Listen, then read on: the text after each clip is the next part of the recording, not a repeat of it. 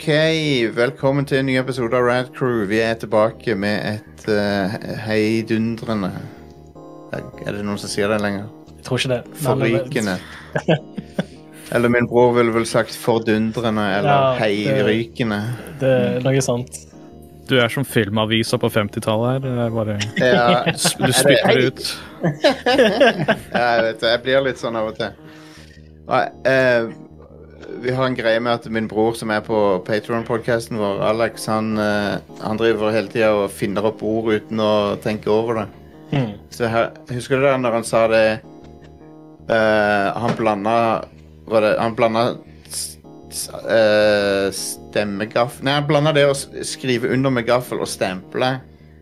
Så han sa Steff Hva han sa for noe? Gaffel Stempla med gaffel. Nei, han sa var det, det var et eller annet sånt Han blanda de to uttrykkene, i hvert fall. Det høres ut som Alex. Ja, så det, det Ja. Og så, og så kom han på ordet frågesbyrd. Som er eh, Han mente spørsmål, da. Jeg aner ikke hva han tenkte med det. Det er nynorsk for spørsmål.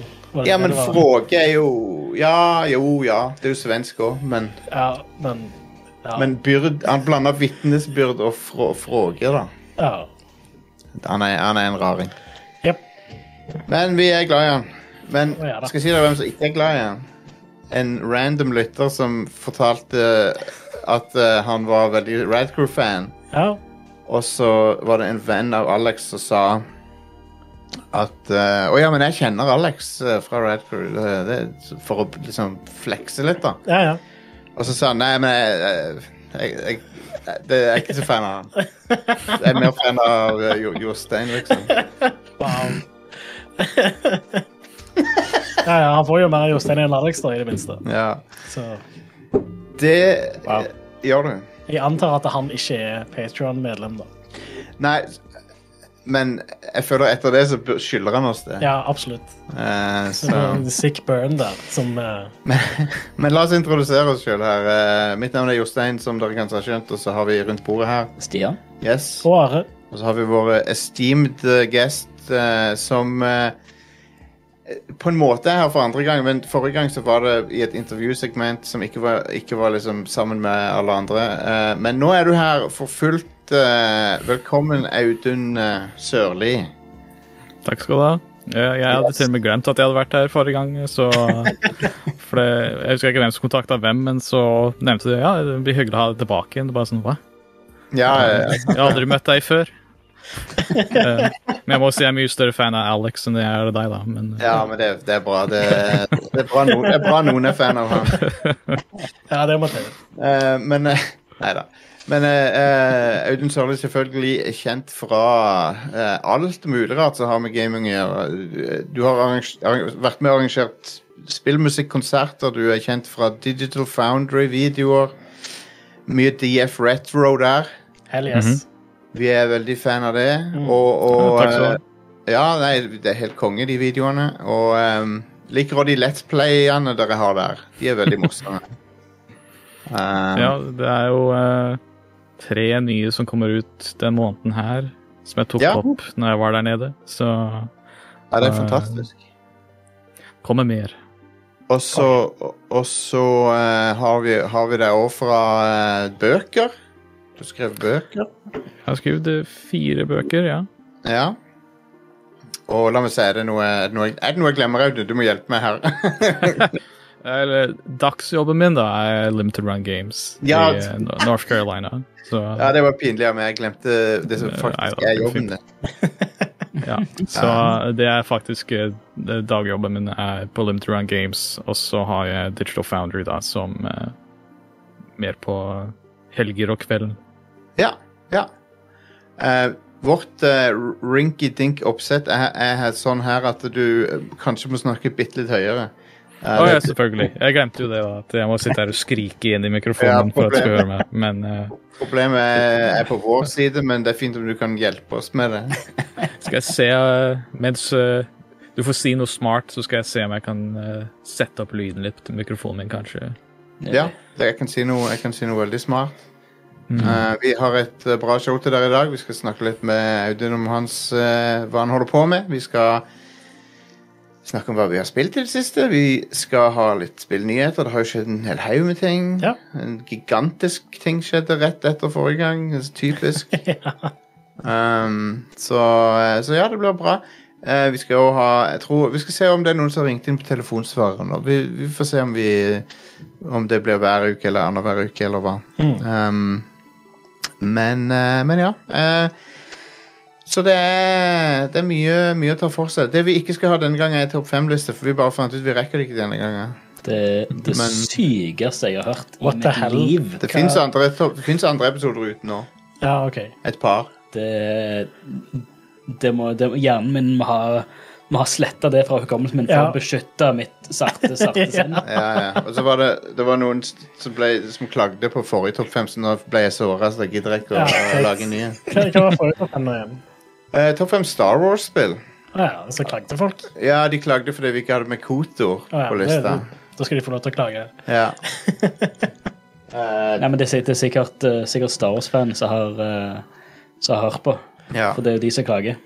ja. Det er, er derfor jeg ikke kan kalle meg Star Wars-fan, for jeg klager ikke så mye. Du, Ja, du er ikke en Star Wars-fan fordi du faktisk liker Star Wars. Yes, det er, det er mitt Det er det jeg jobber mest med, Ja. egentlig. Ja. For jeg har lyst til å kalle meg Star Wars-fan, men problemet er at jeg liker det. Jeg liker jo jeg liker Star Wars. nesten bare originaltrilogien og den der nyeste serien, Andor. Andor, Eh, ja. ja. Så, så jeg er vel en Star Wars-fan, da. Mandalitten liker du vel òg litt? Lite grann? Jeg har ikke sett sesong tre. Nei, OK. Jeg syns sesong to var litt sånn Vi kaller det for Mandalitten her av en eller annen grunn. Jeg vet ikke hvorfor. Mandalorianeren. Mandalorianeren. Mandalorianeren, ok. An, an, eh, Arendølen. Men, eh, men ja, uh, velkommen skal du være, Audun. Det er veldig kjekt å ha deg med på showet. takk skal du ha. Ja, ja, selvfølgelig. Det er ikke så ofte jeg får gjort norske show av noe som et slag, så det er gøy å være på ett, Nei, i hvert fall. Jeg så, jeg så du gjorde noe med um, eh, Anders Lønning en gang òg. Ja, det var uh, spill.no, var det ikke det? Ja, spill.no, ja. Ja, ja. ja, for han også er Digital Foundry-fan, så han kontakta meg en gang. Så, Stemmer. Uh, men ja, jeg har gjort vel Mesteparten av karrieren min har ikke vært i Norge heller, så det er ikke så, det er ikke så veldig rart at folk ikke har kontakta meg her, da. Nei. nei. Men når det gjelder eh, Digital Foundry, kan jeg bare Hvordan skal jeg formulere dette her? Det er jo ikke Digital Foundry sin, sin feil overhodet, for, for, for de gjør jo jobben de gjør på en eksemplarisk måte, og de lager veldig bra content, men jeg føler av og til at det har ført til at uh, det er masse Digital Foundry wannabes der ute. Som tror de er Digital Foundry. Uh, Jeg og- og- og- tror Ja. Altså, jeg skjønner litt hva du mener, men jeg tror også Digital Foundry har vært veldig mye mer på å educate generelle sp- spillconsumers til å forstå performance, framerate, sånne Ja. litt mer tekniske ting. Og det, jeg, jeg syns ikke det er noe annerledes enn sånn som vi vurderer film, og har vurdert Nei. film siden 50-60-tallet, med å være litt mer uh, våkne på hva som gjør en god film en god film. ja. Eh, så jeg tror heller det har med å gjøre at Digital Foundry har vært veldig flinke på å lære generelle mainstream audiences om eh, hva som faktisk går inn i å lage et spill og opprettholde et spill. Da. ja for det, det har dere jo utvilsomt vært. Nå kom jeg på en ting. Det hadde det ikke vært morsomt hvis du eh, drev og analyserte frameraten på filmer når du gikk på kino? Men uh, nei. film- film ikke bare er 24 frames per second, så blir det jo nevnt. I, ja, det blir nevnt. Og, og uh, i, i Avatar The Way of Water så bytta de mellom 24 og 48 i, Ja. når det var actionscener. Mm. Som er helt Eh, forferdelig. ja, jeg vet Mange, mange likte det Forkastelig. ikke. mange likte det ikke. Jeg er jo jeg er jo selv en proponent for 24 FPS i film. Ja. Ja. Men i det, i det spesifikke tilfellet så syns jeg det var OK. Men, men, men jeg, jeg skjønner absolutt at det er, det er uvant. Det var jarring med en gang de gikk tilbake til 24, og så ble det jarring med en gang de gikk tilbake til 48. Så Ja. det var bare sånn en jarring opplevelse Ja. tvers igjennom. Men, uh, men uansett, Digital Foundry er jo en, uh, en jo fen fenomenal YouTube-kanal, men du er jo mest involvert i, i det som er av retroinnhold der. Ja, Og- jeg har jo gjort en del som har vært nyere spill der òg de siste åra, da. Men Ja. det er jo for det meste retro som jeg har fokusert på sammen med John.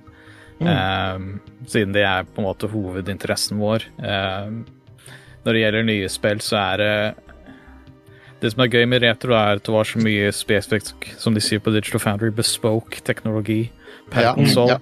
eh, hvor man kan på en måte lære veldig mye av åssen de brukte den teknologien, strakk den så langt som de kunne, gjorde triks og mye forskjellig. Mens Ja. når du vurderer et nytt spill, da, så er konsollene såpass like, og de er veldig PC-basert, slik Mm. at eh, analysere nye spill jeg tror, Som en YouTube-video da, så er det interessant for andre å se ok, er PlayStation 5 forskjellig fra Xbox Series X. Eh, fordi du skal mest sannsynlig kjøpe det spillet på en av de konsollene. Eh, men å analysere det som en analytiker eller journalist det er ikke like interessant. Da. Ja. Jeg er veldig enig med deg når det gjelder uh, Audun, når det gjelder det der med bespoke uh, maskinvare. Uh, Skreddersydd. ja, På godt norsk. Skreddersydd. Men jeg, jeg, jeg, det er noe jeg savner veldig i dag. Um, for du har i praksis de to, de to store konsollene er jo samme maskin på mange måter. Mm. Ja, ja, absolutt. Uh, og Altså, det Veldig mange spill bruker samme grafikkmotor nå om Ja. dagen. Ja. Uh, og eller Det er veldig få spill som er eh, hvor Altså, i gamle dager så lagde de gjerne motoren for et spill, og så, Mm. Ja, absolutt. Uh, mens nå så er det uh, mye lettere for, og billigere sikkert òg, å bare lisensiere en motor og så lage spill ut av den. Ja. Da får du jo mye lignende teknologi blant mange spill. og, og, og um, Men, men det, er det, det, det det som gjør meg litt glad nå med at uh, Apple på sine, sine desktoper og laptoper har, har droppa 8086-arkitekturen. Mm. uh, til fordel for ARM, som er Ja. Som er en helt annen, annen arkitektur, men de, de har fått en massiv eh, eh, strøm, strømeffektivitet og ytelse ut av det. Mm. eh, som er veldig kult, syns jeg. Så jeg, hadde ikke, jeg, jeg, ser ikke bort ifra at det kan komme en konsoll som bruker ARM heller. eh, igjen. Switch gjør vel det. Nei, Eller- Switch bruker jo en type ARM. Uh, Ja, han gjør jo det. Nintendo, Nintendo har jo brukt det siden Gameboy Advance. Uh, Ja. For Gameboy Advance så er jo ARM 32, jeg tror jeg. Så Ja. Eh, Og du skal ikke se bort fra at det fortsetter med Nintendo, da. Nei, og det er jo, for det, er jo en, det har jo vist seg å være en veldig e- energieffektiv uh, teknologi. Mm. Absolutt. Og, absolutt. Så, så ja, jeg, jeg, jeg er glad for at dominansen til Intel er, er delvis over. Ja. ja, AMD har jo òg tatt eh, et lite inntog der. AMD har gjort et inntog, men det er samme arkitekturen igjen. Det er det jo. Men, men, Ja. men, men det er bra med konkurransen der Ja, absolutt. Um, nå er det jo veldig nerdete, men hei, det er Radcrew. Vi er, vi er sånn. Det er sånn vi er. Yep. Um, og jeg kan snakke om det der i timevis. Sånne ting som det. Uh, Ja. Så har du Men det var jo, ting, det var jo teknologier som dominerte på 80-tallet òg, sånn som sånn C-Log Z80 og sånn. C80 var jo den som virkelig tok av i, Ja. med spill på 80-tallet, og inn, langt inn i 90-tallet òg, for den saks skyld. Ja, ja, ja. Eh, og du ser fremdeles i dag, når det gjelder Megadrive, så får vi nye spill på Megadrive hele tiden som virkelig Ja. strekker den også ganske langt. Eh, Så du ser jo på en måte potensialet har ikke blitt fullstendig tappa, men selvfølgelig vi har nye tools og engines til og med der som kan brukes som ikke de hadde på den tiden. da. Men det er veldig interessant å se at teknologien som nå er 50 år gammel, 40 år gammel, eh, fremdeles kan brukes ganske nyskapende. Mm. Så jeg tror ikke det hele tida handler om nyinnovasjon heller, at man må på en måte bygge bedre og sterkere. Selvfølgelig for nye spill så må man det, da, men det er fremdeles veldig mye imponerende spill som kommer ut på f.eks. Megadrive. Eh, Fremdeles da, helt nye spill. Det er det. Hva het den der, den der top down-shooteren som også kom på Xbox og sånn? Si, Eh, uh, Xeno Crisis. Xeno Crisis, ja. Det, det spillet var Ja. fantastisk. Det er helt utrolig. Ja. Ja. Den gjør Uh, så mye med en maskin som ikke man skal kunne gjøre, eh, Ja. og mer. Så Jeg- Ja, jeg, jeg spilte det på Xbox, men, så, men jeg var liksom be bevisst hele tida på at holy shit, går dette an på en megadrive òg, liksom? For Ja. det ser så bra jeg ut. tror, hvis jeg husker riktig, så er Xbox-versjonen av det spillet basert på Neo Geo. Ah, Så den er litt grann bedre enn det du får på Megadrive, men det er ikke langt ifra. ja, ja. Uh, Så det er uh, Bitmap Bureau som gjorde de spillene der. Så er det jo fascinerende å se Men, slipp, men slipper de disse spillene her på cartridge òg, eller er det kun emulert? Nei, det er på cartridge også. Uh, Ja. Cartridge til Megadrive, uh, Neo Geo. Uh, nylig så slapp de ut på N64 til og med. Så hvis du kontakter dem, så kan du kjøpe en N64-versjon. Shit, Uh. Så de har laga det til så å si alt akkurat nå. Det, det er helt utrolig kult. Amazing. Jeg må nesten, jeg må nesten kjøpe noen. Jeg har jo, Ja. jeg har jo noen Megadrives liggende hjemme. Det var kult å kjøpe et nytt spill til Megadrive. ja. Første gang på 25 år. Var det ikke? år. Var, var det ikke noen som lagde et nytt Dreamcast-spill òg, eller noe Jo. sånt? Det kommer ganske mange eh, så når det gjelder For det er noe Limit Run driver mye med òg, er Ja. sånn aftermarket-produksjon på konsoller. Ja, ja. Så vi lager spill til Megadrive, uh, Super Nintendo og sånne ting med nye cartridges. Og det har jo blitt en eget marked akkurat nå som er ganske sterkt. Uh, for eksempel Bitmap Euro, som gjorde Xeno Crisis. De har jo tjent Ja, seg ganske mye på Megadrive-versjonen av Xeno Crisis. Og Så det er ganske utrolig at man nå sitter i 2023 og man kan tjene penger på et Megadrive-spill, men Ja, vi har det- kommet så langt. Det er jo det, det dere gjør i Limited Run Games og sånn, det, det, det er jo veldig, for meg veldig sammenlignbart med for sånn Criterion Collection og sånn. Mm. Det, Ja, ja. det, det de gjør med film. Det er jo det vi Særlig nå på, For det nå som jeg er på Limited Run, så jeg bare hyra inn til å være lead producer. Uh, internal Ja. developments. Og det er spesifikt for retro-releases som vi lager på nytt. da. Og vi annonserte et nylig som het Trip World DX, som er et gammelt Gameboy-spill. Yeah. Og Wow. det, er, det er ikke bare en re-release, det er Vi fikk med oss den originale directoren fra Japan, eh, Ueda. Og vi laga en Gameboy Color-versjon som aldri ble laga på den tida, men hadde design documents som vi fant. Og vi sa OK, vi kan faktisk lage det spillet her på Gameboy Color nå hvis du vil. Så gjorde Wow. det. Eh, vi fant alt av design documents. Eh, vi laga nye trailer og musikkvideoer. Vi, vi laga et stort museumsobjekt da, ut av det spillet. Og så slipper vi det ut på Switch, PS4 for eksempel. Sånn at man kan spille spill, men man kan få også full kontekst over hvorfor det spillet er spesielt. Eh, eller man kan bare spille det på Gameboy da, og bare spille spillet som det var. Konge. ja, det er kult, altså.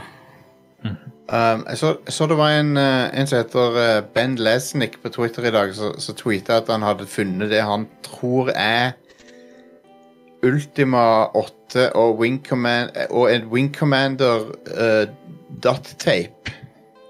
Wow, ok. Så original source-koden, nå, eller? Eh, det er det han lurer på om det. Tydeligvis. Han, har- han har ikke en Ja. DAT-spiller, så han vet ikke. Nei, nei, ok. Han får kontakte Frank Sefaldi. Eh, Frank Sefaldi Ja. er en som har uh, spillehistoriker i eh, San Francisco. Jeg som tror- har alt uh, equipment. Jeg tror, jeg tror denne personen har vært veldig mye involvert med Wing Commander-franchisen. Um, Mm. Øh, og, men uh, også, også er han sikkert i besittelse av andre Origin-baserte ting. Mm. Um, og, og da mener jeg Origin Den originale Origin, no, Ja. pun- no pun intended. Ikke, Ikke, ikke Ja, ja. Sin uh, tjeneste. Det var de som laga Crusader No Remorse og sånne spill som det. ikke sant? Mm. ja, ja, ja. Og, og Wing Commander og, uh, Ja. og noen av Ultima-spillerne. Riktig, ja. Uh, Ultima 7 uh, er jo kanskje det, det, det mest innflytelsesrike RPG som er laga. Det, det er jo det som alle P- I hvert fall, hvert fall såkalte CRPGs. Mm. Uh, yeah. okay. det, det, er jo- det, det jo prototypen på Elderscrolls bare mange, mange år før, liksom. Ja. Jeg ville kanskje Jeg tror Ultima 3, som jeg husker i hvert fall, var mer sånn innflytningsrikt i Japan, i hvert fall. Fordi jeg husker da jeg bodde i Japan og jobba der borte, så Ja. jeg, jeg snakka veldig mye med folk som hadde laga RPG-er og sånt. Jeg jobba for Square Enix litt. Grann.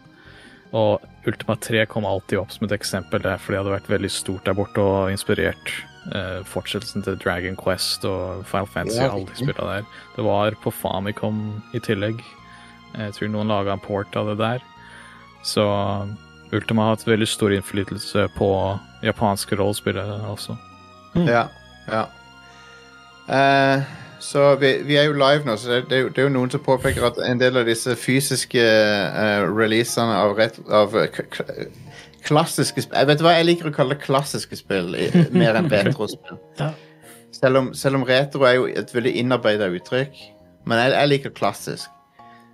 Um, men jeg vet ikke om jeg får det til å bli en ting noen gang. At folk sier det. Vi kan prøve. Det Ja. det, det er bedre, faktisk. For man, når man sier retro, så blir det satt i en liten bås hvor folk liksom Ja, men jeg liker ikke gamle spill.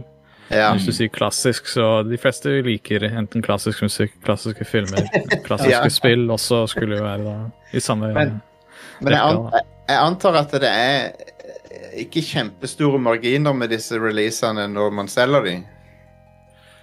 Sånn, eh, Nei. sånn Ehm, det er jo Det spørs jo hvor mye som går inn i spillet. Sånn som for Limited Run på War Development, så går det veldig mye ressurser inn i development, siden vi lager veldig mye menyer og design, ja. ekstra material, sånne ting som det.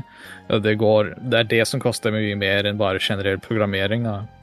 Um, og når det gjelder salg, så er det hipp som happ. Det spørs jo litt på hvor populært spill er, men um, en ting som vi jobber veldig mye med på Limit Run akkurat nå, er jo å åpne opp for europeisk uh, handel også.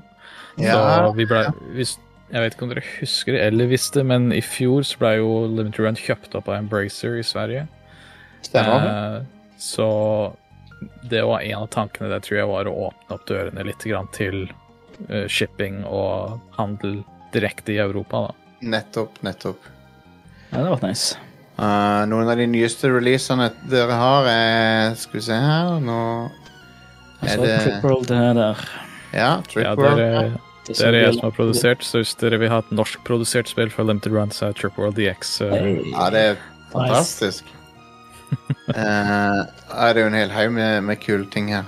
Um, anbefaler folk å sjekke ut uh, limitedrungames.com. Det er virkelig noen uh, Altså, det, det er noe med det der å ha en fysisk copy av, av et spill. Ja. Um, og det er, jo, det er jo dessverre sånn nå at uh, det har jo ingen hensikt å ha en fysisk copy av Destiny 2. Sant? Nei. Nei, Game as Service er jo litt vanskelig igjen, da, men jeg ser Ja. jo på indiespill og For det var jo en stund For jeg er jo veldig, som du kan se bak meg, også fysisk. eh, Fysiske Yep. spill gjør meg veldig glad. Ja. Uh, og jeg tror folk tenker veldig mye altså Særlig her i Norge så merker jeg det veldig at det er sånn minimalistisk tankegang når det gjelder hva man eier, hva man har, hvordan Ja. man innreder. Eh, nå sier jeg ikke at folk skal ha det like rot som jeg har bak meg, men eh, jeg tror folk har mista litt den sansen for å faktisk støtte og eie noe. Bare det å holde ting, se på det. Det er mye design som går inn i bare sånn artwork-messig. Jeg blir litt forvirra noen ganger, fordi jeg har, har kamerater som ikke kjøper fysiske spill lenger, men de kjøper LP-er. De Ja. har ikke LP-spiller, men de sier til meg ja, men jeg liker å se på, jeg bare liker å ha den her, jeg liker artworken, jeg kan få den ut, kan lese om det. så Bare, jo, Ja. nei, helt samme konsept med et spill. Eh, kanskje mer så, for det spillmanual så kan det være kart, det kan være artwork. Eh, det er helt det samme. Eh, men de har liksom ikke gjort en connection helt ennå. jeg, jeg, Det kommer vel med tiden. Jeg, jeg, jeg føler jo vi mista noe vesentlig med big, big box PC-spill. Um, oh. Ja. ja, absolutt. Eh, vi lager big boxer enda på Limit Round, faktisk. ja, Eh, bare fordi, og, og det er kun bare fordi at vi syns det er gøy, for de selger ikke så mye. Eh, jeg, jeg jeg er på et norsk program i dag, så jeg kan si ting jeg mest sannsynlig ikke får lov til å si. Men, det er, men jeg ser det som hver gang vi har en big box-versjon. Eh, Vi gjorde eh, Turtles Redders Revenge i fjor. Og det også har vi sittet og laga en big box til. Og det er bare sånn Selvfølgelig skal man ha en big box-versjon av Turtlespill, ikke sant? Ja, ja, ja. Når man først har sjansen til å gjøre det, så skal man gjøre Jeg det. har, jeg har, jeg har noen minner du, Av og til så har du sånne minner som bare eh, De, de innprenter seg i hjernen, og du, du glemmer det aldri. Og, og et av mine sånn er når jeg gikk inn i en butikk i Oslo. Det kan ha vært uh, Hvilke butikker var det på den tida? Kan det ha vært Akasmith? Kan det ha vært Space World? I don't know. Det, var, Free, Record Shop. Og Kan det Spiderman det, det, var, det, var, det må ha vært 1994-5. Mm. Um, og, okay. Men jeg husker, husker ikke hva slags kjeder de hadde da. Men uansett så var det foran mine øyne en uh, big box av uh, Monkey Island 2, uh, LeChuck's Revenge. Hell yes. Ja, ja. Og den, det, det husker jeg så godt at jeg så den bare Hva er dette? Jeg må ha dette her. Ja. Mm. Um, og for, for opp til den tida så, så uh, Altså Tidlig på 90-tallet så var point and click adventure-spill Hvis du ville ha bra grafikk, så var det det var sjangeren. Mm. Ja, absolutt. Det var jo uh, Det var jo spill som på en måte ikke kunne være på konsoll på den tiden. Jeg tror det første Monkey som kom ut på konsoll, var vel Sega CD-versjonen, vel. Og det var Ja. ganske skalert tilbake igjen fra PC-versjonen. Uh, Ja, ja. Um, og ja, og, og, og Amiga-versjonen av de LucasArts-spillene var håpløse fordi du måtte, kom på sånn ti disker, og du måtte drive og Kunne ikke Det er jo del av, det er jo del av opplevelsen. Men, eh, til Ja. Monkey 1 så hadde de en vits med at du skulle insert var det disk 27, var det vel, eller et eller annet sånt. Ja, som ikke eksisterte. Som for- forvirra så mange mennesker at de måtte ta den ut av re-releasen fordi folk ringte til LucasArts og spurte om de kunne få den tilsendt. Og når vi gjorde, vi gjorde en Monkey Island Collection på Limit Run for et par år siden, Ja. og da laga vi en fysisk jeg tror det er nummer 27 eller et eller annet sånt. Vi laga faktisk en eh, floppy disk med det nummeret på. Ja, Så, fantastisk. vi, så nå finnes den, da. Det er ikke noe på den, men eh, den finnes i hvert fall fysisk. da. Selve den joken er jo fantastisk, for det er jo Gu- Guybrush ser ned i en sånn trestump, og så sier han oh, 'holy shit, det er en labyrint av Ja, ja. liksom, og så er det 'please insert disk 27'. så finnes ikke den disken. Det? Ja, det er en nydelig vits. Monkey Island var veldig tidlig ute med sånn metaspillhumor. Mm. De, hadde- de har jo den vitsen 'aldri betal mer enn 20 dollar for Ja. et dataspill' og sånn. Ja, Uh, Det, Som, som hei, det, det, det overlevde ikke lenge, men eh, det, det rådet overlever ikke. Men jeg respekterer at uh, Monkey Island, uh, det fra i fjor, ja, det kosta rundt 20 dollar. ja, det, det det gjorde det, ja. Så, det, så de holdt det løftet sitt der. Ja. Men ja, altså, når vi snakker om fysiske kopier av spill, så syns jeg det er litt trist med en del moderne spill hvor du ikke får hele spillet på disken, f.eks. Ja. Sånn så ja, Sist uke så kom Jedi Survivor ut, ja. og det krever jo en nedlasting i tillegg. Det, men det, di, disken er jo en verifisering på at du eier spillet, bare. Mm. Og så Ja. er det Ja, du, akkurat med Jedi Survivor så kan du spille i begynnelsen mens du holder på å laste ned. Okay, okay. Så det er fortsatt ting på disken. Det er bare det at det spillet ville ikke fått plass på en Blu-ray. Nei.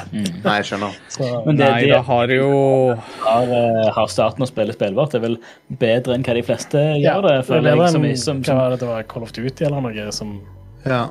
bare hadde noen megabyte på disk. Ja, sant. sant.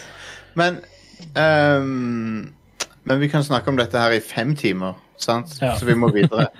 ja, Men, men, men eh, du, du sa du jobba med noen eh, nye prosjekter for Digital Foundry òg. Jeg vet ikke hvor mye du kan røpe om, om det, hva du, hva du holder på med der. Nei, så jeg, jeg jobber jo fulltid for Limited Run nå, det har jeg gjort i et år cirka. Eh, Så Ja. det har blitt litt mindre videoer med Digital Foundry sånn over det året, da. Men jeg er fremdeles teammember der, og gjør fremdeles videoer. Uh, DF Retro og DF Retro Play. Eh, Det er veldig mye som går direkte Patreon, så jeg har, jeg har fått veldig mange meldinger over det siste året om hvor, jeg, hvor er jeg, om, om Richard har gitt meg sparken og alt mulig. Uh, he wishes, men det, kommer ikke til å skje. Men, eh, ja, så, men jeg lager videoer ennå, og vi holder på med en ny DF Retro-episode akkurat nå, som er ganske stor. Eh, og det kommer alltid DF Retroplays. Jeg tror jeg sa før vi begynte å ta opp det her, at jeg lager tre stykker akkurat nå. Som jeg tok opp da jeg var hos John. Eh, For jeg pleide å dra til John sånn hver Det pleide å være annenhver måned før når jeg jobba der fulltid. da. Ja. Men nå så blir det mer til at eh, sånn hvert halvår så pleier jeg å dra ned dit for en uke og bare ta opp masse uh, forskjellige videoer. Men, du, men du liker å torturere han, gjør du ikke? Litt grann. Altså, det er han som velger å bli torturert av de spillene jeg velger, men uh, ja, jeg hadde en filosofi som jeg lever på enda, er at uh, alle andre samler på veldig bra spill. Så hvorfor kan ikke jeg samle på veldig dårlige spill istedenfor? Ja. uh, så jeg pleier å si at jeg har verdens største samling av priceless games. Så når jeg sier priceless, så mener jeg at det har faktisk ingen pris, for det er ingen som vil ha det. Eh, så jeg har rundt eh, Jeg har en sånn liten samleapp på eh, telefonen min som jeg holder styr med spillene mine på. Jeg tror jeg har 3500 spill eller et eller annet. Det sånn, hvis, hvis, folk, hvis folk tenker da at du mener sånne ting som Aero, The Acrobat og sånn, nei, nei, det, det er verre. Det, det er mye verre enn det. Aero the Acrobat er ikke så dårlig. Uh, Nei, det er mer sånn maske... det var- Men Det var en dum spøk. jeg skjønner hva du mener, da. Men jo, jo, altså, jeg har sett og jeg har spilt spill som vil mest sannsynlig fått dere ut av hobbyen. Eh, altså, du, hadde, du hadde lagt ned podkasten, og vi skulle sitte og spilt det her nå. Eh, og en av de vi tok opp når jeg var der i mars, er et, et sånn type spill hvor jeg tror Jeg sitter jo og editer det nå de siste par dagene, og du kan bare se liksom, livsgleden til John forlaten i real time, ikke sant? Og jeg sitter der like, like glad, eh, for jeg har liksom planlagt at vi skal spille det spillet her i et par år nå. Og Det sånn, endelig eh, fikk vi tid, da. Det er sånn, Folk nå om dagen de, nå, nå høres jeg veldig sånn boomer ut, men det er sånn du tror, hvis, du, hvis, du, tror- hvis du tror Fallout 76 er et dårlig spill, liksom ja. eh, Gå og spill noen- Captain Overland etterpå. ja, Eh, you ain't seen eh, Nei, absolutt ikke. Det er Og jeg, når vi snakker om dårlige spill, også sånn, spesielt i dag, og jeg regner med en av tingene dere skal snakke om under nyhetene deres, er vel Redfall, for eksempel. Eh, og sånn som jeg tenker det er at det, det å lage spill er et mirakel, generelt sett. Eh, jeg har produsert over 40 spill, og det at noen av de er blitt ferdig, er et mirakel i seg selv. Eh, fordi det er utrolig vanskelig å lage de, det er utrolig vanskelig å opprettholde koden. Det er utrolig vanskelig å publishe et spill. Det Ja. i seg selv er et såpass stort problem, til og med for studioer som er eid av EA, sånne ting som det. Det er veldig mye ting du skal holde styr med, eh, både når det gjelder logistikk og budsjetter, alt mulig. Ja. Så det, det, er, det finnes dårlige spill, men det finnes også grunner til at de er dårlige som er ikke på grunn av de som har laga det. ja, Så jeg pleier, ha, jeg pleier å ha et veldig åpent sinn om spill generelt, filmer òg for den saks skyld, eh, med at det er mest sannsynlig en grunn til at eh, spillene er sånn som de er. Om det er bra eller dårlig, er eh, Ja. opp til dem som spiller det uansett. da. ja, ja. Men eh, jeg pleier ikke å ta det jeg- altfor uh, personlig at de er dårlige. Jeg er jevnlig med å lansere programvare i min, i min fulltidsjobb. Mm. Men det er programvare som er Nå skal jeg ikke snakke ned det jeg lager, da, men, men det er uh, flere grader mindre komplekst enn enn det et spill er. Spill, ja. Ja, og, og, vi, eh, og vi sliter òg med ting av og til. Ja. Altså, både meg og Stian jobber jo innen IT, Ja. Ja. og um, Uff. ja. Jeg mener, Eh, ja. Så vi, vi vet hvordan det er det der med å pushe ting ut i prod. Ja. Og se på Se, se hvordan pølsa er Det lagd. beste, Ja, er, rett og slett. det beste er å aldri forlate stagingmiljøet. Bare pro, aldri Ja. prod.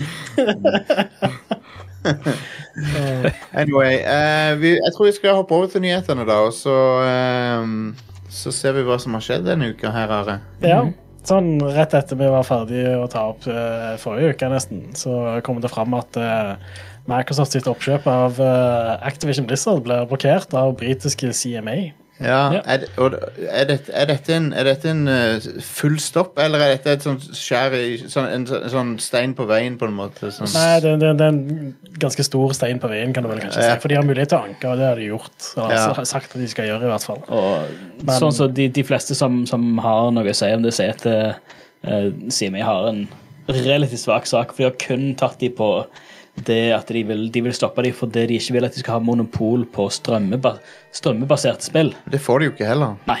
med den dealen. Derfor kommer den anken til å gå fort igjennom.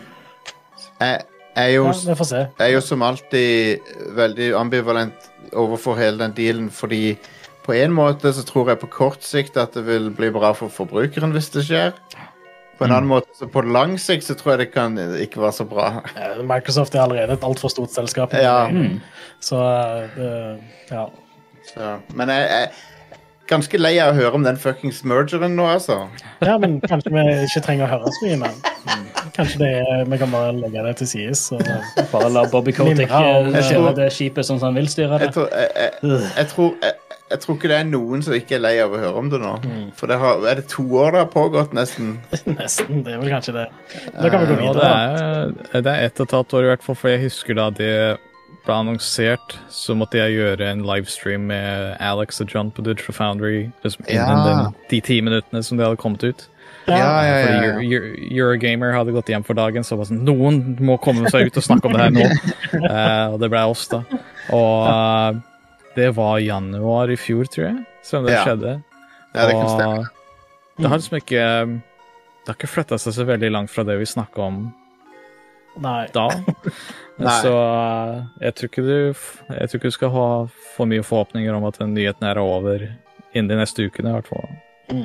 Men det er mye som tyder på at Xbox kan trenge litt eh, hjelp med katalogen sin, da. Uh, Jeg syns det er litt spesielt.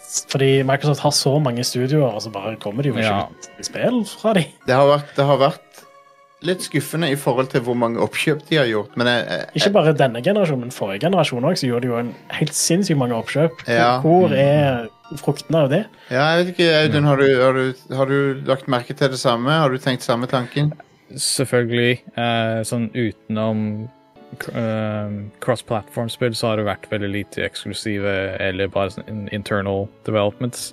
Mm. Det er ikke så mye jeg kan personlig si om det, men sånn Jeg vet jo om spill og om studioer som virkelig har prøvd, og det har kommet nye direktiver fra Microsoft som har forandra litt på både schedules og scope, eh, men de trenger absolutt å gjøre en forandring nå snart. Jeg tror veldig mye har vært basert på å få den dealen her igjennom før Microsoft på en måte kommer ut med sine egne internal developments også. Eh, Ja. Jeg veit ikke helt hvorfor de har venta på det her, men jeg tror det bare er, logistikk inni bildet der, da. Men eh, ja Og, det, og i, i mellomtida så utgir ja, og, og, og det som skjer i mellomtida, er at Sony gir ut hit etter hit, liksom. Det er litt Jeg synes Eh, en konsollgenerasjon vi er i nå, Vi sier hit etter hit, men hvis du sammenligner den med PS4, PS3, PS2 eh, Det er veldig langt og fjernt mellom de store spillene. Eh, Det er veldig lite eksklusiv software som kommer ut. Eh, sånn i forhold, da. Det, det har blitt bedre Ja. over det siste året spesielt. Ja. Men vi er jo nå i det tredje året med den konsollgenerasjonen her. Ja. Eh, Vi driver fremdeles med cross-gen-produksjon. så jeg er litt nysgjerrig på om det må en sånn som de heter mid-console refresh, mid-generation refresh, ja. eh, med nye pro-konsoller og sånt, før vi virkelig kickstarter eh, en ny generasjon her, da. Men eh, Det det har vært litt skuffende. Og, det har vært litt skuffende, og, og noe av det er jo selvfølgelig covid. Um, Selvfølgelig, ja, ja.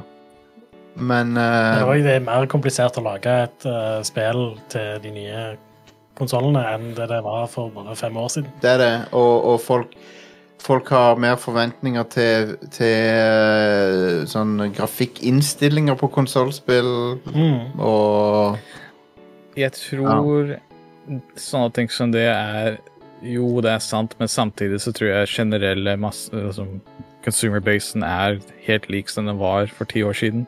Og Ja. jeg tror det er veldig mye med investeringer og returns som har forandra seg, men ikke så mye med hva forventninger til generelle spillere er. Det kan du til og Ja. med se på salgsnumra som er på f.eks. PS4-spill fremdeles. i forhold til PS5 og sånne ting som det. Jeg tror faktisk at man kan lage like gode spill som man gjorde for tre-fire år siden, eller før pandemien. Ja. og ha en bedre rytme enn det vi har fått til nå, men så har PlayStation, eller Sony spesielt, har jo forandra seg veldig til å fokusere på de store spillene istedenfor en, en Ja. blanding, da. En balansert mm. blanding. Det er, litt, det er litt synd at uh, Microsoft ikke er- på ballen akkurat nå, fordi vi begynner å Etter min mening begynner vi å ane konturene av at Sony sine first party-ting stagnerer litt kreativt, føler jeg. Jeg er Ja. ganske enig der, ja. Og det er synd nå, for jeg, jeg spiller ikke så mye moderne spill, jeg må være ærlig der. Men uh, det som er, er at jeg, når jeg først spiller det, så liker jeg gjerne Xbox Series X bedre enn PlayStation 5. Det er min, det er min konsoll Ja. akkurat nå. Eh, og en av andre grunnen til det er at jeg kan bruke TV med å kjøre emulatorer også, men det er jo annerledes. Eh, men eh, bare generelle følelsen på kontrollen på UI-en eh, og formfaktoren på konsollen er bedre enn PlayStation 5 etter min mening. Så jeg skulle virkelig ønske jeg kunne se mer spill fysisk også eh, på Xboxen enn det vi gjør Ja. akkurat nå. Men eh, det har bare ikke kommet ut, og det som kommer ut Man ser at fokuset har vært på andre konsoller enn Xboxen, trist nok. Eh, så, Ja. Og det også snakker jo til at eh, Microsoft burde fokusere litt mer på third party relations. Ja, jeg må innrømme liksom, hvor, er, hvor er Avowed også? Hvor er det? Liksom, Hvor er sånne ting? Ikke, Ja, ikke det- sett tegn til det? Jeg har vel sett en, en prerendra trailer til det. Ja. Av, uh, eh, og, og, og det er en lang liste med sånne Microsoft-spill som det. Ja. Um, Og så har du jo også sånn som Hvor er Banjo Kazooie? ja, hvor er fucking Banjo fucking Kazooie? Hvordan kan du sitte på den IP-en og ikke gjøre noe med den på 15 år? Når var det Ja, det er 15 år! Det er 15 år siden Ja, Nuts and Bolts. De, de karakterene er med i Smash Bros. Ultimate. Ja, OK. Så de har gjort noe. Med det. ser jo, men man ser jo på Når du ser på det med eh, Microsoft for der, da, når du sier What a Banjo, så ser du reaksjonen og salgsnumrene til Smash Brothers pga. Banjo ble annonsert. Mm. Det er en av de største annonserende som var med Smash Brothers i sin tid. Og man skulle da tro at ok, det er veldig mye popularitet her. Eh, Det er nå en aktiv momentum på karakteren. Ja. Eh, Skulle vi ikke da fått et nytt spill ut på vår nye eksklusive konsoll, eh, som er mye, mye sterkere enn det Nintendo har der ute? Eh, men eh, det er bare ikke prioritering. Ikke- Altså, Microsoft, er jo- Microsoft er ikke spillkompani sånn eh, i bunn og grunn. Eh, de er jo en servicekompani når det gjelder Windows og sånne ting. som på, på Digital Foundry så har de jo snakka om eh, at på den første Xboxen så var det en ganske sånn kreativ periode for de, og, Absolutt. og du, der var det mye sånn Du hadde plattformspill, du hadde fighting games, du hadde racingspill, du hadde en eh, veldig stor variasjon. Mm. Eh, Jeg vil si på Xbox 360 òg, så Ja, for, ja da, absolutt. For når, det gjaldt, når den originale Xboxen kom ut, så hadde de jo fasilitert veldig mye support fra Japan, f.eks. Dette var jo den tiden da third party i Japan var det største.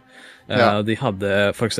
Sega med, som jo Hvis du ser på Segas releases på originale Xboxen, så er det nesten som en Dreamcast 2-situasjon. Du har liksom Ja, ja, ja. Dragoon, du har Shenmue, Jet Set Radio, og de hadde en, en såpass bra overgang til 360. De hadde en veldig åpen dialog med developers. De hadde en eh, SDK som var basert rundt eh, DirectX og X86, tror jeg.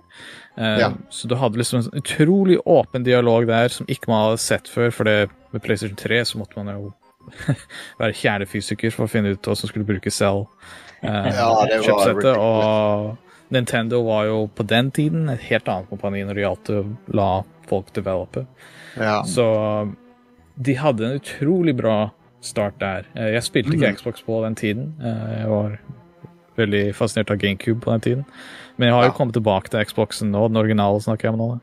Og jeg oppdager nye spill på den hele tida som jeg bare sånn Jeg, kan liksom ikke tro at ikke jeg spilte det her på den tiden, for det er fantastiske spill.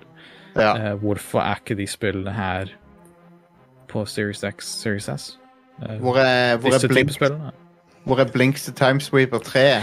Hvor er det? Tre, jeg skulle til å si, ja. Eh, for de to spillene er bra. Eh, fantastisk. Ja, de er det. Eh, så altså Hvor er Bubsy 5? Altså, hvor, er hvor er disse spillene vi trenger, da? Så Hvor er Bubsy 5? Anyway, vi må, vi må videre. Neste Uh, ja, neste nyhet. så. Sony har annonsert at de har solgt Hva var det det var? Uh, 38 millioner solgte konsoller. PlayStation 5. PlayStation 5. Ja. Ja. Nice. Ikke konsoller totalt. Nei, nei. Siden Det, 1994. det, det, hadde vært bekymringsverdig. Ja. de har fortsatt den mest solgte konsollen noensinne. Er det PS2, det? Ja. Ja. Men DS er ikke så veldig langt bak. Men uh, uansett uh, 38 millioner solgte PlayStation 5-maskiner. Det er jo ganske imponerende med tanke på at de har hatt problemer med leveranser og sånt. De De har for... solgt veldig mye den siste tida. Ja. Ja. Og, nå, og, og her om dagen var jeg på Elkjøp, og så sto de på hylla. Ja.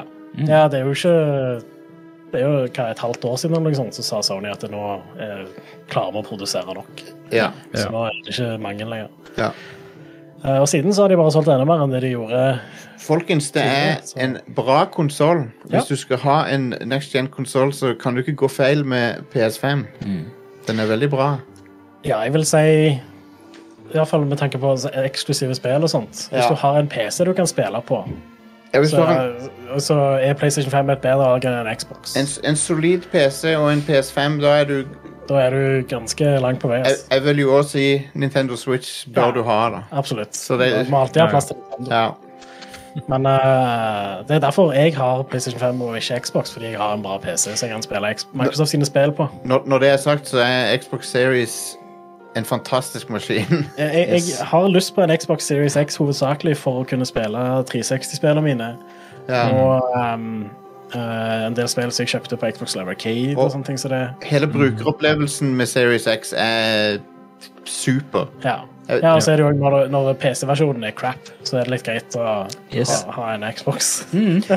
Og eh, et annet argument som sikkert Audun er enig i også på Xbox, er at du har bakoverkompatibel eh, med Du er bakover- bakoverkompatibel med både 360 og Xbox 1. Ja, ja, og Xbox One.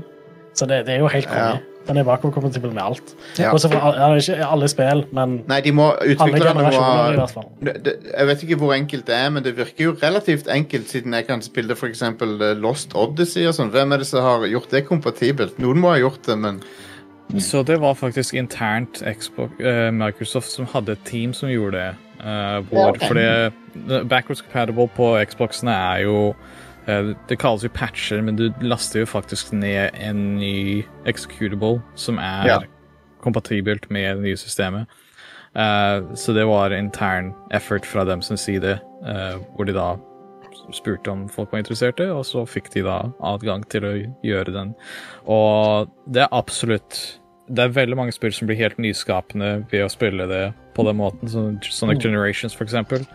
Hvis du Ja. spiller det på 360, så er det 720P og 30 FPS, tror jeg. det, uh, mens det hvis du spiller i Ja, unnskyld. unnskyld. Nei, jeg skulle bare si, si Hvis du spiller det på Series X nå, da, eller til og Ja. med Series S, så er det full 4K 60 frames per second. Uh, Ja. Sonic Generations. Ja, Så du ser jo, Og det er noe som man ikke kan gjøre på PlayStation 5. da. Nei, og det, det er noen utrolig interessante ting de kan gjøre med backwards compatibility. Du kan si hva du vil om Final Fantasy 13. Jeg har varma opp til det eh, over tid. Men, men eh, det at de har bytta om på character-modellene, sånn at de alltid bruker uh, høydetaljversjonene av modellene og sånn. Ja, konge. Uh, i sted, altså, i, I gamle versjoner så var det kun i cutscenesene de gjorde det. Ja, stemmer. Men det, er- det, det er sprøtt hvordan de kan gjøre sånne ting med den modusen. Ja, det er stilig. Men det er jo nesten som om de er porta. Ja. At de er Det er det de er, rett og slett. da. Ja. Eh, blir jo, det blir jo en port, men det er jo backwards compatible program. Mm. Eh, Ja. Kan også si at uh, hvis du det, Vi er en offisiell Microsoft-podkast her. Uh, hvis du har dev-mode, så kan du også kjøre Retro Arch og PlayStation 2 Ja. i full 4K uten noe stutter. Så du kan Nice. gjøre en backwards compatible med så å si alle konsoller noensinne laga. Eh, opp til PlayStation 2. Uh, som er helt fantastisk. Det er eh, En av de tingene jeg bruker Xbox Series X mest til, er faktisk dev mode. eh, også PlayStation 2-emulatoren. For Ja. man kan ta anti-blur, man kan ta de- de-interlacing, så man får full 4K eh, progressive scan på det. Så Nice. de spillene ser helt utrolig ut. da. Og det er, når du ser at Xboxen kan gjøre det uoffisielt fra fan-community, så må, begynner man også å lure på hvorfor ikke Sony offisielt har gjort noe slikt. Ja. Nei, det, det er Sony sin retro-offering er, er patetisk. Um, de, de, har, de har fått ut et fåtall PS1 og PS2-spill som Ja, og mange av de er bra, men det er sånn Come on. Det, det, det er snakk om Det var, det var noen av de som var PAL-versjon, var det ikke det? Ja. Jo, det var det var òg. Ja. Men det, de, de har en av de har, Ved siden av Nintendo eh, kanskje den rikeste katalogen av noe, noe spillutgiver. Ja. Ja, ja, altså Nintendo, Sega, og så har du på en måte Sony litt Ja. bak der, da. Men uh, de har absolutt en katalog som de kunne tatt, særlig med PlayStation 2 og til og med PlayStation 3. Det er eh, Man kan fremdeles spille på de konsollene, men det er spill som er veldig laga til CRT-TV-er.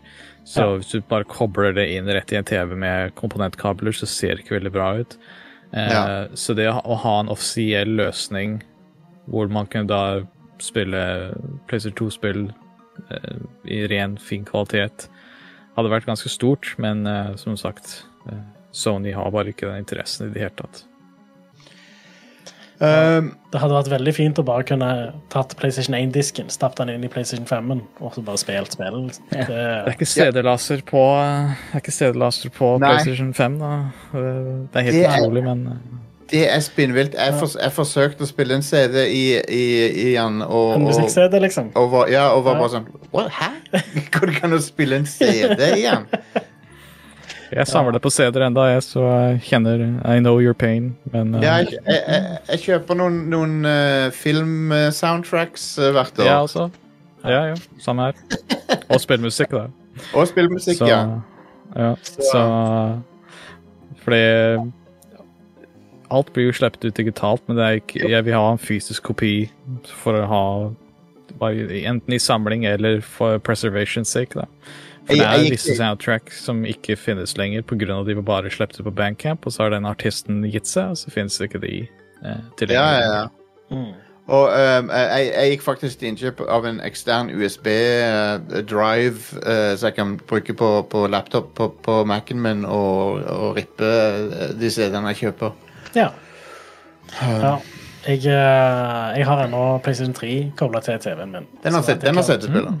Den har CD-spiller, den Ja. kan spille PlayStation 1 og PlayStation 2-spill. Ja. Og Ja, PlayStation 3-spill. Men Vi, vi, vi får spørsmål i chatten her, men det er, det er laseren som avgjør. Eh, Du må ha en riktig laser som Ja. kan lese en CD.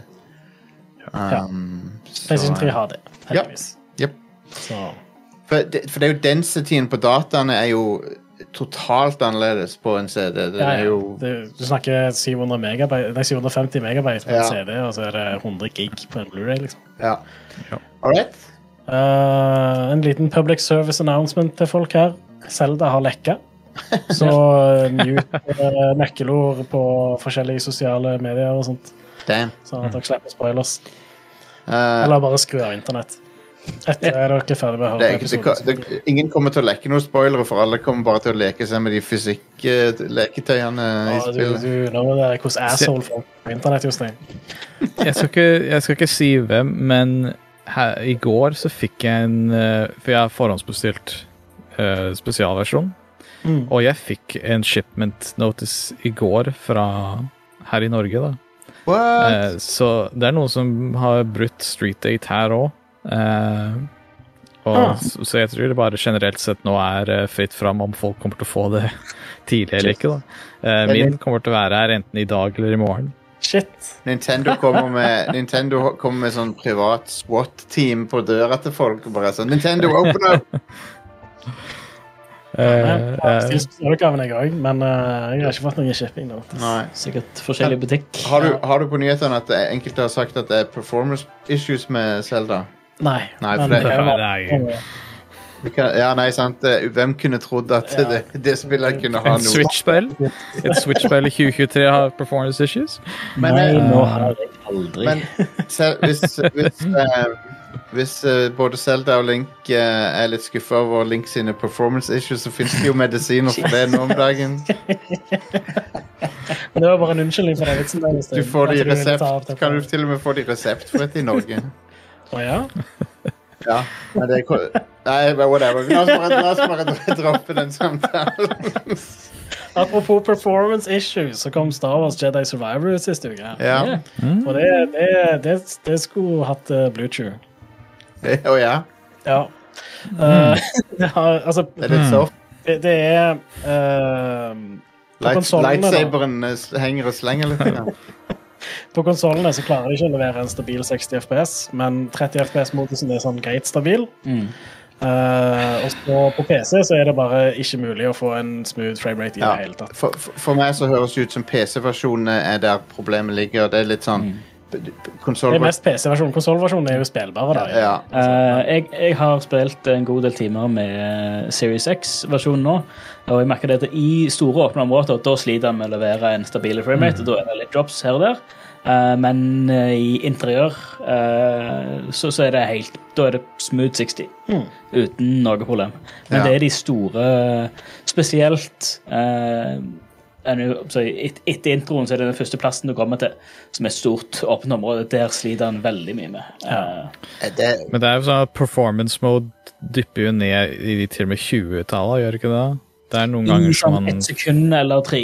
Uh, mm. men det, og, og det er veldig sånn Hvis veldig mange ting skjer, eh, mye ting skjer, skjer på likt, men det er sånne jeg vil si, van, Det holder seg rundt en eh, 60 til 50, altså 50 til 60. eh, i, I vanlig action, men av og til så kan det skje veldig mye sånn at han dypper ned til at han får sånne det, drops på et par sekunder. det er noen, Men, eh, det er noen i, i, i chatten Audun, som, som eh, spør deg om Bubsy har eh, null frame, rate- frame rate drops på CRT, CRT-en din. Det er helt riktig. Bubsy ja. Har eh, null frame rate drops på min CRT. Eh, Jeg kan sette det på rett nå, eh, bak meg her. Jeg har en CRT rett på skrivebordpulten min her. Men, det, Og men, bevist det, men eh, men jeg, jeg ser veldig få, få folk snakke om hvor sykt bra Jedi Survivor ser ut, sånn grafisk sett. Det ser helt ut. gorgeous. holy moly. Der, der ser du generasjonsforskjellen Ja, ja. Uh, mellom de to spillene. Jeg spilte, jeg runda jo Fallen, Fallen Order og starta Survivor uh, back to back, så det var en Altså- ganske, ganske stor hopp. Den, jeg, jeg, jeg spilte jo Star Wars-spill i Jeg har spilt Star Wars-spill i 30 år. Sant? Og jeg husker uh, Dark Forces, Jedi Knight, My Mysteries of the, the Sith-ekspansjonen til det. Og sånn. Og uh, hvis jeg hadde sett det, Hvis jeg hadde sett Jedi Fallen Order den gangen Jeg hadde ikke skjønt hva jeg så på engang. det er sånn What the f Er dette et spill? Hva er det som skjer? Er det an å det var sånn eh, Du husker da GameCube kom ut, så var jo Rogue Squadron 2 var et Ja. uh, launchspill. På den tida. Jeg kunne ikke tro Mm. hva jeg så der. Det var, det var jo som å se filmen. Eh, Ja. Og det ser fantastisk ut ennå, da. Men eh, jeg føler som at eh, Star Wars-spillet har hatt den eh, hatt den effekten gjennom nesten alle spillgenerasjoner. At de har hatt den derre Jeg kan ikke tro eh. At det ser så Ja. ut. Ja, Det har alltid vært en showcase. Det har alltid vært uh, hatt denne sjokkfaktoren. For, det, for jeg, for, jeg, for, jeg føler for det, det nesten må, for det, er sånn- den franchisen er sånn at det må alltid være noe stort visuelt for hver release av hva som helst, egentlig, føler jeg. Og så er det så gjenkjennbart alt som er. Det blir liksom Alle er så De fleste er jo såpass lærte på Star Wars, på områdene, på designet, at man kjenner, man kjenner det så fort igjen. Eh, så man er veldig heldig der, da, med åssen Star Wars er lagt opp. Men eh, jeg, har ikke, jeg, jeg har ikke spilt Jedi Survivor enda, jeg har bare sett eh, Digital Foundry-videoene på det. Mm. Ja. Og de har, eh, altså, Re Respawn er utrolig dyktige. Jeg har ikke noe tvil om at de kommer til å fikse Ja. det som er galt med spillet. Spillet skulle ha vært utsatt. Det burde nok ha vært utsatt en måned eller to. Ja. Um, uh, det er bare noe jeg tok fullt out of my ass nå, men ja, det, altså, spillet skulle ikke ha kommet ut i den standen. Nei. Så, som med alt vi snakker om på denne podkasten. jeg, jeg, føler, jeg, jeg føler vi er Altså, det er informert ass-pulling. Ja. Men uansett det eh, er vår offisielle tagline. det, det, Educated ass-pulling. det er en Det er en um, Vi, vi som vil ha educated ass-pulling som en OL-gren. Det er en achievement eller en trophy du kan få i spillet som heter Roadhouse. Yes. Der du må, Den får du ved å dropkicke noen eh, mens du har en mullet. yes. Eh, Så du må ha mullet-sveis mens du gjør det. altså. Ja. Fantastisk trophy. Ja. Det er òg et trophy for å spille gjennom eh, Det er sånn, sånn training arenas. eller yeah. Sånn, sånn bruker du lightsaberen, sånn blokker du med lightsaberen. Men det er achievement for å spille gjennom de med, med et bandana på. Konge. Veldig bra. Det Eh. er veldig, veldig mye bra små referanser gjennom hele spillet. Vi kan snakke, snakke mer om det her jeg- ut forbi nyhetssegmentet. Jeg vet, vet ikke om du eh, kjenner til Audun, du, du er jo litt uh, mildt sagt litt inni uh, inn i soundtracks. Um, Og han uh, Stephen Barton Mhm. har gjort uh, Jedi eh, Han gjorde Jedi Fallen Order og Ja. denne her. han gjorde jo også Picard sesong tre. ja. Så han er moving up in the world. Um, Hva er det du det- syns om eh, Det har jo har ingenting med det her å gjøre, men uh, likte du Picard sesong tre? Ja, du, den var okay, han, bare, De må bare gi Star Trek til han der Terry Matalas. Bare gi han alt. Mm. Mm. Han, han fiksa det. Han fiksa Star Trek. uh, så, selvfølgelig var det jo issues med det, men, det, men altså Come on. Han, Veldig stor oppgradering fra sesong 1 og 2. i for Picard. ja. mm -hmm. Yep. Jeg, jeg, tror, jeg tror det er en tabbe av og til å gi kreativ kontroll til skuespillere i sånne ting. Mm. Jeg, jeg, jeg tror Jeg regner med du mener Patrick Stewart akkurat Ja. ja. Han er en fantastisk skuespiller, men jeg tror ikke han er den beste personen til å ta kreative avgjørelser om f.eks. Mm. karakteren Picard. Sant. Ja, tydeligvis ikke. Um, men, eh, men, men til hans credit så lærte han det, da. Sjøl, tydeligvis. Ja. Så Tallene, tallene ligger ikke der, så det nei. Så jeg har bare sett par-tre episoder av siste sesongen, men jeg må få sitte. Ja. Ja. eh, Det er en, eh, og la, la ikke du òg merke til hvor mye bedre musikken er i sesong tre? Uh, Absolutt, jo. Ja, absolutt. Stor oppgradering. Jeg har hatt mye å gjøre med Star Wars-musikk faktisk gjennom flere av åra mine spill, fordi Ja. eh, jeg jobba veldig mye med Chris Hulsbeck, som gjorde musikken til Rogue Squadron. Fantastisk. Og jobbet med Wilbert Roger, som var på LucasArts. Han gjorde Monkey Island-remakene og et par Star Wars-spill. Eh, så jeg har faktisk vært i London et par ganger og sett eh, London Symphony Orchestra spille inn eh, Star Wars-musikkspill. musikk da. Fett. Awesome. Fantastisk. Mm. Um, All right. Uh, hvor var vi her? Performance issues på Jedi Fallen Order. Ja. Det kom en patch eh, i dag. Det kom en patch i dag, ja. Ja. Eller den kommer i går til PC, tror jeg. Okay. Ja. Men um, uansett, det, det, det, de har skrevet at det er litt sånn performance issues fix, men jeg tror ikke det er helt i mål ennå. Men jeg Så den, patch, den patchen som kom ut nå, er jo viktig å huske på at den var planlagt eh, jeg, tror den, jeg tror de snakka om at den var planlagt allerede da spillet skulle slippes ut. Mm. Eh, så det er nok neste patch det kommer til å se litt mer spesifikt fokus på performance på Xbox og PlayStation sånn, eh, og PC også, for den saks skyld. da. Men dette her var en planlagt patch av, av ting de var mer eh, involvert i allerede, da. Mm. Så eh, hvis folk har lastet ned patchen og føler seg skuffa, så tror jeg det er viktig bare å huske på det at de jobber jo med nye patcher, og jeg tror de neste patchene kommer til å være litt mer fokusert på Ja. eh, ja. selve konsollen. Ja. har, og, og Jedi Fallen Order ble jo, ble jo supporta veldig godt. Eh, de, de, de, de, de porta det jo til PS5 og Series X, til og med. Mm. Eh, Ja. og, Og og, den, de versjonene er kjempebra. ja, de er fantastiske. Men uh, jeg eh, stemte lovboka og benytter meg av Steam sin uh, gode refund policy. Ja. Så kjøper jeg det heller igjen når de har fiksa det. ja. Ja. jeg prøvde å kjøre det på min PC, og jeg har en ganske ålreit PC. Mm. Eh, men eh, det bare var ikke mulig å få det til å kjøre bra. Nei. Så, Nei. Det er synd. ja. Det kan godt være at jeg ender opp med å kjøpe konsollversjonen etter hvert, hvis Ja. de fikser den fortere. Ja, Men uansett så kommer Zelda snart, så jeg eh, kommer til å være opptatt med det en stund. Ja. Zelda, det er, det er han med den grønne, de, grønne, de grønne klærne. Ja, stemmer det, just ja. -hmm. Mm -hmm. Du har ukas utvalgte spillutgivelser. ja, hva er det som kommer ut? Ah, det, du burde egentlig si Ares u, u, Nei, vent. Ares, ut, utvalgte. Ares utvalgte Ja, for det er jo du som, det er jo du som uh, det, det er jeg som velger disse her. utvelger de, ja. Det er sant. Hva er det som kommer ut denne uka? Uh, I dag kommer Age of Wonders 4 ut til PC, PlayStation 5 og Xbox Series fra okay. Triumph Studios. Ja? Mhm. Og Redfall til PC og Xbox Series fra ja og, Studios. og Redfall har jo fått veldig blanda mottakelse. Ja, jeg tror jeg venter med det òg, jeg. Selv om Det, jeg, er veldig sen i GamePass, så Ja. det er ingen uh, koster ingenting. Og, uh, hvis du har GamePass, så koster det ingenting ekstra Ja. for å Ja. teste det. Det er det, da. Jeg, jeg har ikke GamePass. Nei. mm. uh, Da er du fucked, dere! Ja, da er du ganske høyt. jeg, jeg kommer ikke til å bruke penger på det for dette, i hvert fall. Uh, Eh, men det er veldig trist, da, for jeg er veldig begeistret for Arcane Studios. Det er Du- favorittstudioer. Du er jo, du er jo redaksjonen sin største Arcaden-fan. Ja, sikkert. Jeg, jeg liker jo egentlig bare Dishonored 2, egentlig. Okay, ja. Når jeg tenker meg om. ja. Prey er et av mine favorittspill. Jeg, Prey, det er så bra. jeg kom aldri inn i Prey. Det er helt amazing. Jeg burde like Fantastisk. Prey Ja, altså, jeg burde like Prey mer enn jeg gjør. Jeg vet Ja. ikke hvor, hvorfor det ikke klikker for meg. Men ja, jeg gir eh, det en til sjanse. Ja. Prey er vel det eneste, eneste Arcane-spillet som jeg òg virkelig liker. ja. ja det, det Det bare meget bra spill. Men for meg var det Dishonored 2.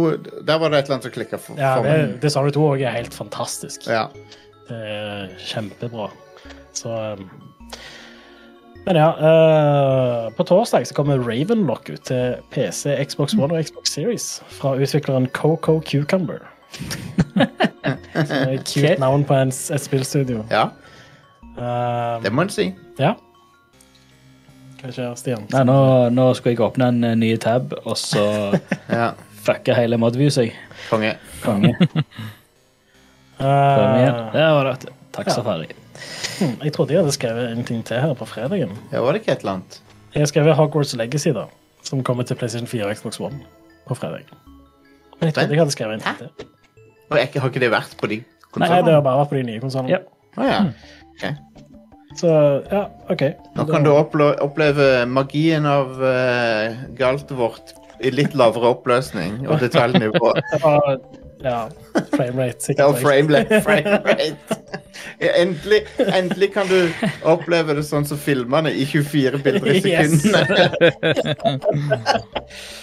Jeg spiller kun mine filmlisensierte spill i 24 frames. 24 p. Ja. Men filmlisensierte spill det er jo noe vi kunne snakka i timevis om. Det er et tema jeg elsker. Um, Ja, men, samme her. Eh, The Hobbit-spiller, de spiller jeg i 48. Ja, ja stemmer. I, I get it. Så Eh, du uh, nylig at eh, Jeg kan ikke si veldig mye om det, da, men hvis du er glad i filmlisensspill, uh, filmlisensspill eh, så annonserte vi og NBC Universal i forrige uke at vi kommer med en Jurassic Park collection. Oh, shit. Nice. Det er egentlig alt jeg kan si om det. Ja, ja. Jeg, jeg, ser, jeg ser eh, gjennom, eh, gjennom eh, the, the blurry filteret at det er en eh, Jurassic Park-logo uh, Ja. Ja, prominent det- det- Det er, med, det er bare min egen eh, kopi av Amiga-spillet. oh, Å, oh, å, nydelig. Det kan du. Det er Ja. bobsifisert. Bubsy, Bubsy Park. Ja. Um, Eh, apropos Pupsy. Park. De annonserte også et Inspector Gadget-spill forrige uke. Å ja, Ja. fett. Ja, Sånn- det var vel et på Super Nintendo i sin tid, var det ikke det? Jo, Jo, Jeg det tror var det ja, ja, riktig. Det er Hudson Soft som har laga det. Uh, ja, jeg så det var noen bilder av et nytt et som Ja, det så ikke så bra ut. Hvis, Ja. altså, har, har, det, Det så ut som et PlayStation 2-spill, liksom. har det themesangen? Uh, Jeg vet ikke. du-du-du-du-dun. For det, for, ja, for, fordi hey, nå blir vi content idea her. Hvis Det er ikke, Fordi hvis du gir ut et Inspector Gadget og ikke har themesangen, så er du allerede Da, da har du, da har du mislykkes, rett og Inspector. Gadget Mad Time Party. Til og Jeg med- husker jo eh, da du var på GameCube og PlayStation 2, så slapp du ut eh, Det var et Turtles-spill basert på 2003-tegnefilmen. Mm. Og du kunne Ja. unlocke Turtles in Time og The Arcade Game. Men Ja. musikken var basert på åpningssangen som da på den tiden da var under lisens som ikke de hadde. Så Ah. du bytta jo ut soundtracket til Turtles in Time fullstendig med bare sånn veldig sånn her eh, stock. Det hadde liksom ingenting med Turtles å gjøre. Snakk om, snakk om et spill som var Det var vel nesten min Game of the Year i fjor. Det var Shredders Revenge. Fy flate, så bra det var. Fantastisk spill. Um, og, og musikken der òg Altså, de kopierer ikke Turtles in Time, men de fanger ånden av Turtles så bra. Det er T. Lopez som gjorde det spillet, og jeg tror han Han er liksom en sånn som Før i tida så hadde du Jay Coffman, som het uh, Vert. Han gjorde Ja. Shantae og de spillene der, kontra fire. Som hadde liksom den Han bare visste nøyaktig hva melodiøs spillmusikk var på den tiden, Ja, og klarte ja, ja. å fange det opp. Og T. Lopez, som gjorde Sonic Mania og Shredders Revenge, tror jeg har den samme kvaliteten, hvor han bare forstår hva spillmusikk er. Ja. Han bør ikke kopiere det, han behøver ikke ta liksom, noe annen melodi som er allerede blitt gjort, men han bare forstår hvordan han skal lage spillmusikk. Ja, ja, ja. ja det, var, det var en glede å spille det spillet. Yep. Um, jeg bare følte meg som en eh, kid igjen, liksom. Det var et helt magisk spill. Um, var det nyhetene, da? Og Ja. utgivelsene? Det var det. Eh, vi har uh, et uh, Jeg lurer på om vi skal skippe å ha noe pause, eller, eller, eller Audun, hvis du må gå nå, så er dette et kjempebra sted sånn timingmessig, kanskje. Ja, det er vel Ja, det, det er vel det, da, for jeg har jobb eh, Ja. halv, Og- halv åtte. så Og- fordi kontoret er jo seks timer bak oss. Så. Hvis du, hvis du vil eh, er, er det noe mer du vil plugge? Selvfølgelig Limited Run Games. Uh, er det noe annet du vil folk skal sjekke ut? Nei da, som sagt tidligere, hvis du går på Limited Run Games og ser på Trip World DX, så er det produsert av meg, uh, og er da offisielt et norgesprodusert spill. Så du kan ta på deg ruskofta og spille et Gameboy-spill igjen. Eh, så hvis du sjekker ut det, så er det veldig fint. Uh, det har vært noen ganger jeg har fått feedback fra norske kunder som syns det er kult at det er noen norske som jobber der. Så da veit du i hvert fall hvilket spill du skal kikke etter. Uh, og selvfølgelig gå til Digital Foundry, like, subscribe, ring the notification bell. Ja. gjør, gjør alt det, og gjør det samme med dere da, på Twitter.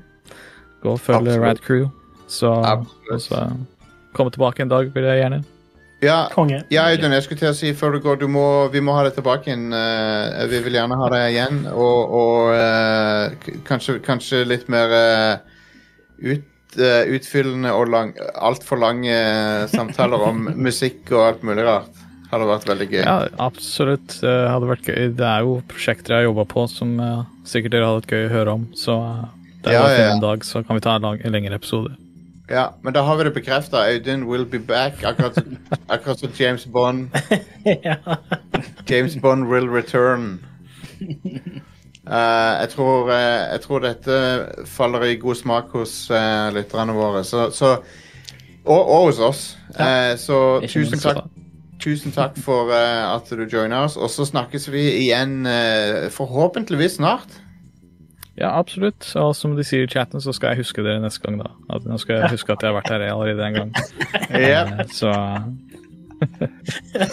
det har vært veldig koselig og veldig moro, så jeg gleder meg til neste gang. ja, nydelig, nydelig. OK, vi snakkes, da. Da snakkes vi. Bye, bye.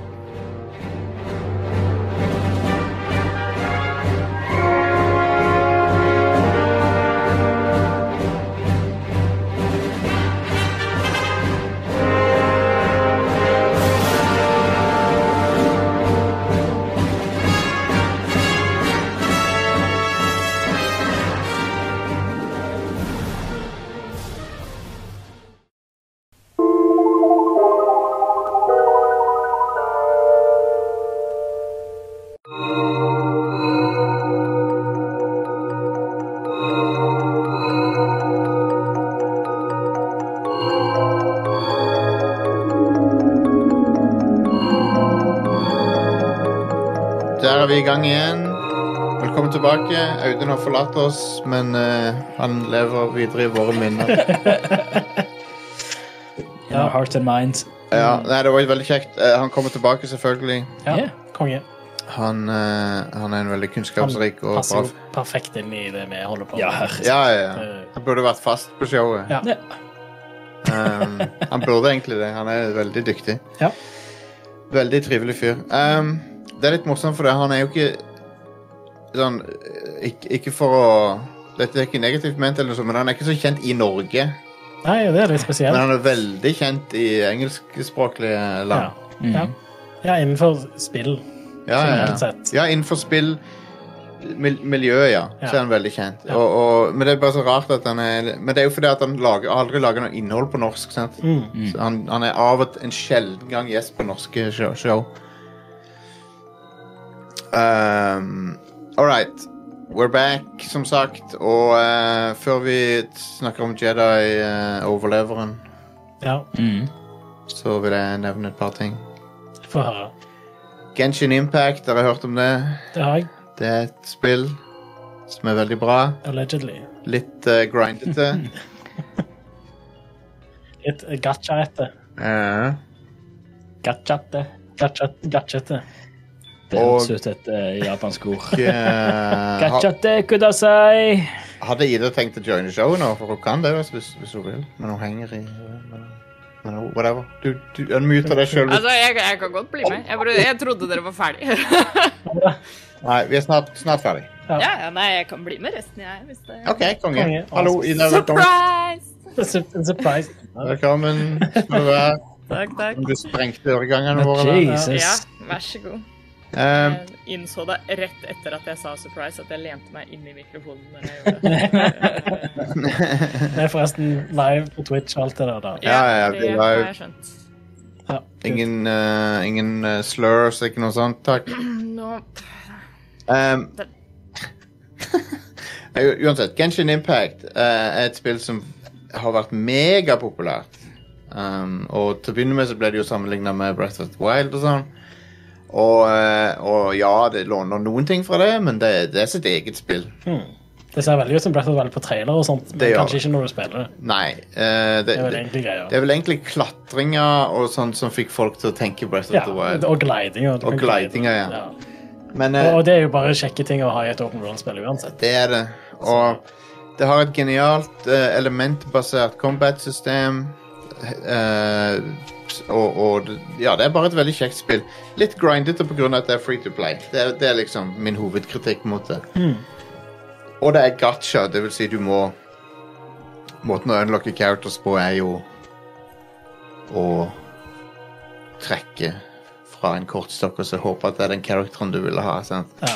Eller, men det er et gratisspill, så jeg syns det er vanskelig å liksom kritisere Altså It, it is what it is. Ja. Jeg syns det er lett å kritisere det for sånt, da. selv om det er et gratisspill. Jo, men du syns det er lett å kritisere det aller meste. Det er sant. Ja. Jeg er en kritiker. Det er, det, altså, det er ikke det at jeg ikke kritiserer det, men jeg bare tenker at det er sånn It is what it is. Sant? Ja, det er det. Um, du, jeg kan ha gøy med det for det. Mm, det kan du. Ting, ting trenger ikke være perfekte for å ha det gøy med det. Det stemmer ganske Litt- bra. Um, men men eh, de har kommet med et nytt spill. Eh, de, de folkene i uh, Hoyo, som de heter. Ja. Kinesisk eh, studio er det vel. Mm. Men de har sikkert teams overalt nå. Jeg vet ikke. De, de, må, de må ha et mannskap av en annen verden men når du ser hva de lager. Jeg skjønner ikke hvordan de klarer å produsere de tingene. For er det én ting Genshin Impact har, så er det money på, på skjermen. Sånn at du ser Dette må ha kosta flesk å lage.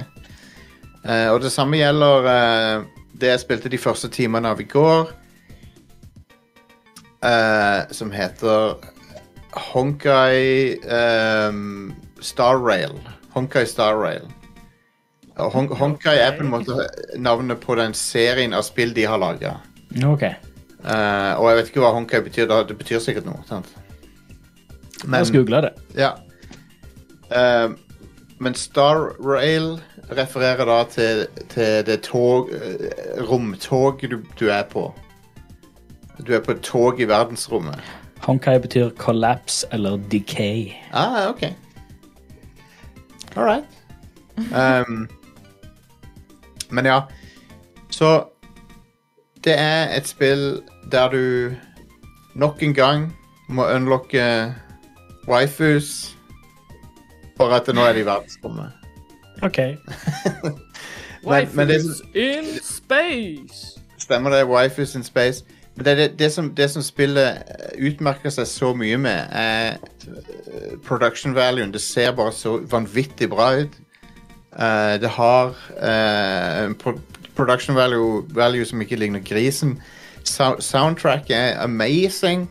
Det er det òg i Genshin Impact, men det er sånn det, det er en bla fin blanding av elektronisk og symfonisk musikk. Selvfølgelig med, med ekte orkester. Um, og så er det til min store overraskelse et helt annet mekanisk spill mekanisk sett enn det Genshin Impact er. Det har ingenting til Eller un unlocking av ting og, og leveling og, og, og managing av uh, characteren din og sånn Genshin Impact-aktig. Slags uh, Skal vi si Ja, det, det, det, det, er en relativt tradisjonell måte å level opp characteren din og sånn på. Men Men um, det er Combaten i spillet er et turn-based RPG som du, mange vil kalle et uh, JRPG. Mm. Så du har et party på fire der du kan eh, ta tur, og så kan du bruke, utnytte svakheten til fiendene. Og så er hver, hver av karakterene Hver av karakterene dine er tilknytta et eh, Hører du? Ja. Bare Jeg bare prøver å forklare. Ja. Ja, det går bra. Hver av karakterene dine er tilknytta et uh, element, og de kan da utnytte det elementet på fiendene som, har som er svak for det elementet i, i combat. Da. ja. Sånn som i alle rollespill. Det, ja, men det, det må, Ikke egentlig, nei. Det er jo ikke sånn alle rollespill fungerer. Jeg vet at du bare prøver å være smart.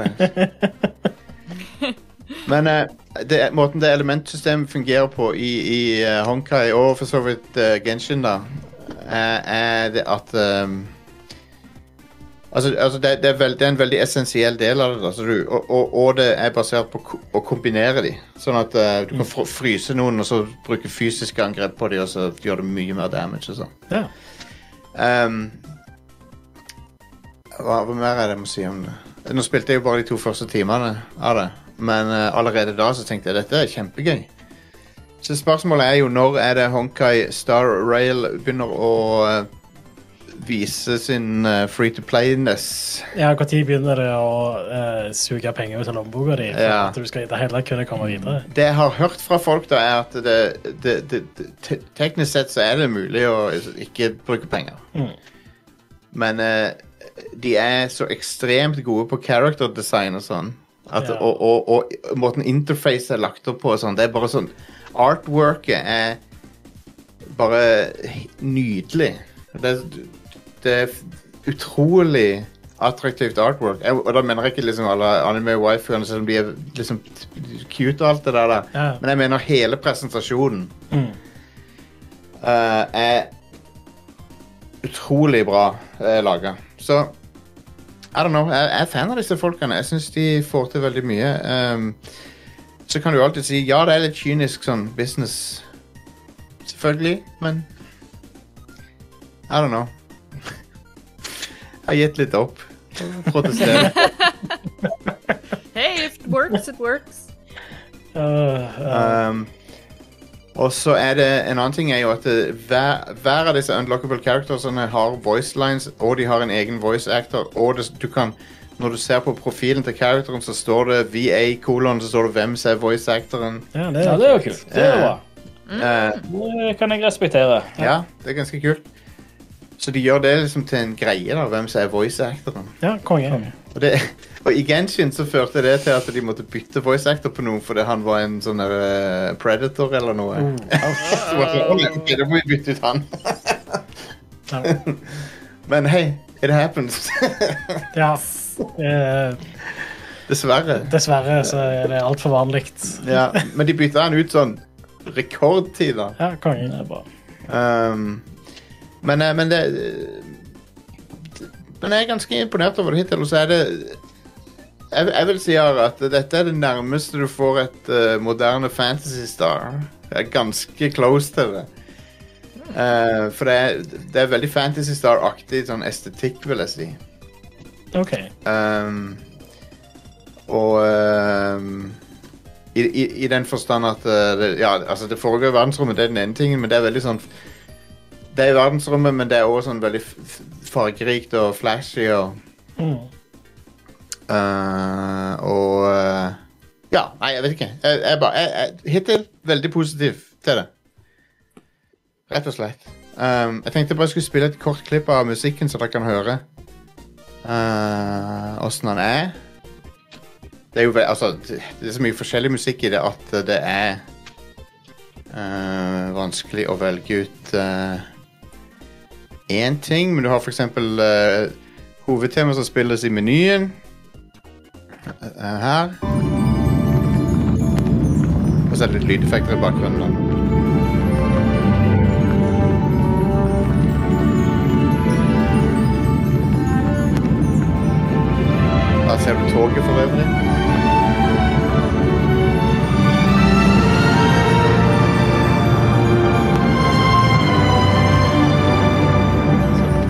Nice musikk. big budget uh, greier, liksom. Så det var en dude som heter Dan Heng. Så, ja, det er en dude som heter Dan Heng, ja. Men det er ikke det, det, er ikke det sprøeste navnet. Det er ei jente som heter March 7th. OK. En, en måned og dag. Ja, hvorfor heter du en dato, liksom? Og ja, og så Jeg fikk tips om i, i, i, i chatten her at det, det er en, noen angrep bruker et element som er k k eh, cuteness. Cuteness er et eget element. Så du kan bruke cuteness på, fi- på, på eh, partyet ditt, og det er liksom det er en buff, da. Det OK. Ja. Det, det gjør jeg på hvert party jeg er i. ja. Hey. Fitness. Eh, og det er jo bare fantastisk. Det, det er faktisk ganske stilig, ja. Ja. og så hver, hver gang du gjør uh, ultimate attacken til For du, du du, Ja, det er jo limit breaks fra Final Fantasy. Du har det, sant? Hver gang du bruker de, så er det noen sinnssykt uh, påkosta animasjoner. det, så, jeg, jeg føler dette er det Square, Square ville gjort på 90-tallet hvis de hadde dagens grafikk, på en måte. Ja, skjønner. uh, så hvis, hvis du er en av de folkene som ikke vil ha Hvis du er en av de folkene som er skeptiske til FF16 fordi det ikke er turn-based, så vil jeg sjekke ut dette her. Ja. Um, men igjen Del, del, del løye. Altså, folk som er skeptiske til FF, FF, FF16 fordi det er ikke turn-based. Det er det som turner meg on til det spillet. Ja, ja, ja. Oh, shit! Det er, kanskje det blir interessant for meg å spille. Stian, jeg, jeg tror kanskje du vil like FF16, for det, det Ja, har det, det kvali- kvalitets voice acting. Den voice actinga vi har hørt fra det spillet, er jo oh, det er amazing. Og så eh, er det jo eh, lange, spektakulære kaiju battles. Ja, så er det med Altså, sånn det, det vi har sett av det så langt, det, det ser jo bare ut som liksom Skyrim på steroider, liksom. ja, ja, ja, det er en medieval fantasy, dark fantasy setting. Ja, det er bra. Det er bra. Um, ikke De noe spiller, de spiller de rette kortene for å vinne meg, så eh, vi får se. Jopp. Uh, så er det han helt, helten uh, opplever tydeligvis et eller annet traumatisk når han var ungdom, og så, er det, så foregår resten av spillet om det. da. Det er ikke så en ganske mørk historie. Så jeg Og, og, og eh, det, det sprø de gjorde med manuset til FF16, var at den japan, japanske personen som skrev manuset Og så brukte de han oversetteren som de har brukt i 14, en som heter um, han kall, Kallenavnet hans er Koji Fox, men han er, han er oversetter. Og han, er veldig, han har fått veldig, veldig mye sånn eh, praise for det han har gjort med FF14.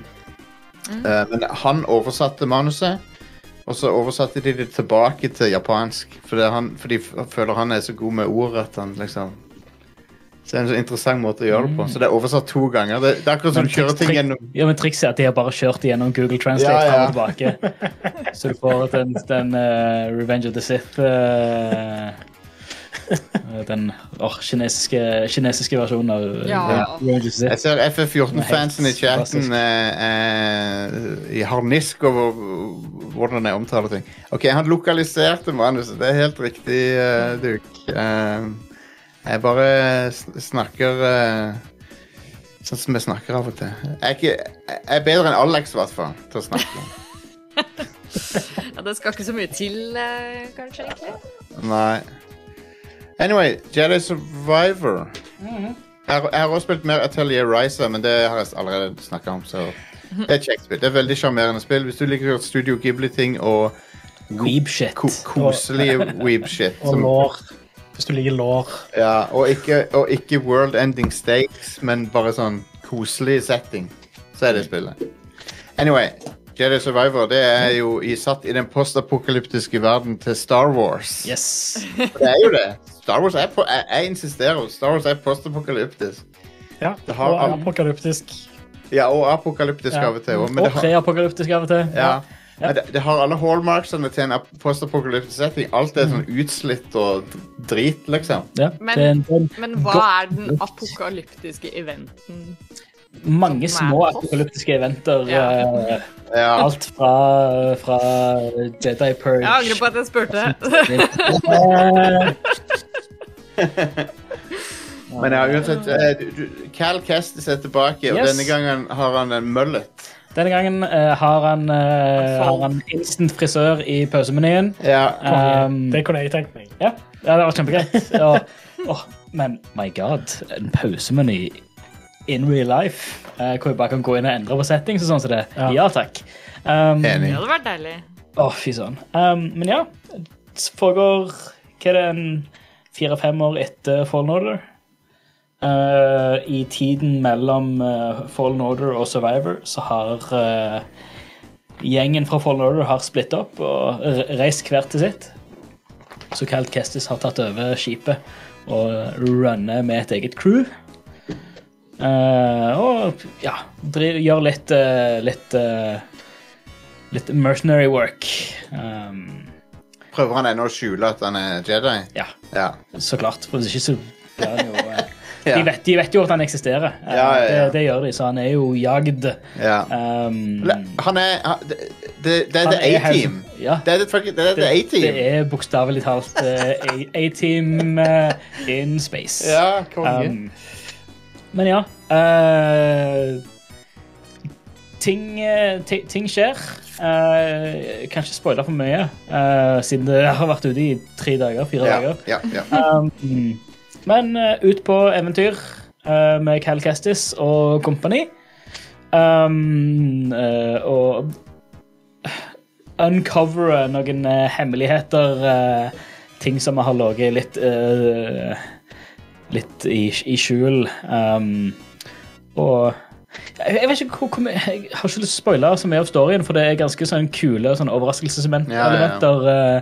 eh, um, Men jeg hører Så- at det er jizz i spillet. Det er jizz i spillet. En hel haug. Uh, masse jizz eh, rett i ørene. Jeg, jeg skulle til å si Hvis du ikke vet hva det er, så googler du, men du skal ikke gjøre det. Nei. Eh, gå, inn, forklare. eh, gå inn på Wikipedia. og så Ja. du Og, og, og, søke på jizz der heller. Da får du et mer Da- Det, det, det var smart. Ja. Ikke, ikke bruk Google. Nei. Nei. nei. Um, What is jizz? what is What is jizz? Hey Siri. Um, er La oss heller bare gå på liksom, uh, gameplay og sånt. Ja. Uh, som er helt fabelaktig. Uh, performance issues satt til side. Ja. Det har vi allerede snakket om i podkasten allerede. Ja. i denne episoden. Um, performance issues satt til side. Gameplay er helt amazing. Det tar det som ble etablert i Fallen Order, og fortsetter på det. Så det er, ingen, det er ingen magisk grunn til at du har mista noen krefter. eller noe sånt. Du begynner med basically det settet av force powers og lightsaber, sånn som det som du hadde i Fallen Order, Ja, det er bra. um, og utvikle på det. Det er ikke sånn, det er ikke sånn som Metroid. At, Nei. Å nei, plutselig du mista Uh-oh. alt, du, alt du kunne. Ja. Så du har force push og force pull og slow time og alt sånt som det. Uh, den slow time har blitt endra til en, en, eh, basically en super. En ult. Um, og du har Du kan nå velge mellom forskjellige stances med single saber, double saber og to sabers. ja. Uh, den med to sabers er nå en egen stance, og ikke bare sånn et uh, bonusangrep som du hadde i Fallen Order.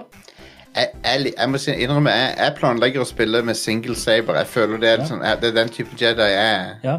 Jeg har, det gjorde jeg for det meste i Fallen Order, Ja. men jeg syns movesettet og sånt i, med den double-bladed er helt fantastisk. Ja, ok. Spesielt mot store folkemengder og sånn som det. Ja, ja, ja. Um, og, da- og nå uh, nytt uh, skill tree. Du har eget skill tree for hver stance.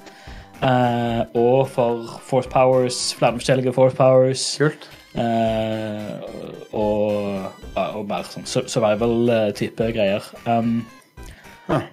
Første verden så jeg har kommet til Jeg har akkurat kommet til verden nummer eh, Etter introen. eh, verden nummer to. Eh, som er veldig spennende. Eh, heller skal ikke spoile noe som helst om hvor ting er. Nei, nei, nei. Uh, men det, den er drastisk forskjellig fra den første verden. Um, veldig kjekt. Cool. Um, uh, og, og den første verden du kommer til, er stor, åpen. Det er mye, det er mye større åpenhet enn hva det var i noen av verdenene i Fallen Order. Ja. Um, som òg er grunnen til en del performance issues på konsoll, i hvert fall. ja. Um, Grafikken er jo utrolig. Grafikken er helt fantastisk. Uh, mye større utvalg av fiender som opererer og drastisk forskjellig fra hverandre. Det er noen som Det er noen mobs som, som jobber for å overrumple deg. De jobber taktisk mot Ja. deg. Det her er bare sånne beist ute i eh, Ute i uh, villmarken Ja. uh, som, som prøver å distrahere deg i opp Holde oppe ei, ei hånd, vinker med den ene hånda, og så slår deg med den andre hånda. ikke sant? Ja, ja, ja. Prøver å distrahere deg mens de uh, sirkler rundt deg. Um, Jeg liker at The Battle Droids er tilbake. Battle Droids er tilbake. Eh, der er Den første planeten du kommer til, har en liten sånn en uh, eh, Det er noen sånne banditter Ja. som holder til der. Um, De har, har de Og- omprogrammert sånne Battle Droids? ja. liksom? Eh, det, det her er jo et, et, et av de første shotsa i traileren. Eh, Ja, ja. Ingen, ingen spoiler. Um, Nei, det, jeg har sett det i sånne eh, tid, i sånn ja, tidlig Men der er, den planeten eh, er der en krasjlanda Hulk på. Som er de skipa fra episode Eller fra, fra prequels. De som er eh, nesten ser ut som en liten Death Star med en smultring rundt. Ja, ja, ja. Som er de der eh, eh, hangarskipene. Det, det, det som lille Anakin sier 'Now this is pod racing' når han flyr inn i den uh, inni, inni der. Um, det er en krasjland og sånn, Uh, der fulgte du selvfølgelig med mange både B1 og B2 battle droids, altså super battle droids. Eh, og de har blitt om, om, omprogrammerte. Um, og Det er det er et så herlig gjensyn med de B1 battle droids, de Roger Ja, ja, Roger-droidene. ja. Der er så mange voice lines. ja. Der er konstant, konstant De går, de patruljerer rundt i denne verden. Hver gang jeg, du, hører, du hører samtaler ja. mellom de bandittene og droidene, eller droidene seg imellom. Der er Jeg har ikke tall på hvor mange unike samtaler jeg har overhørt. Kult. Og alle er skamløgne.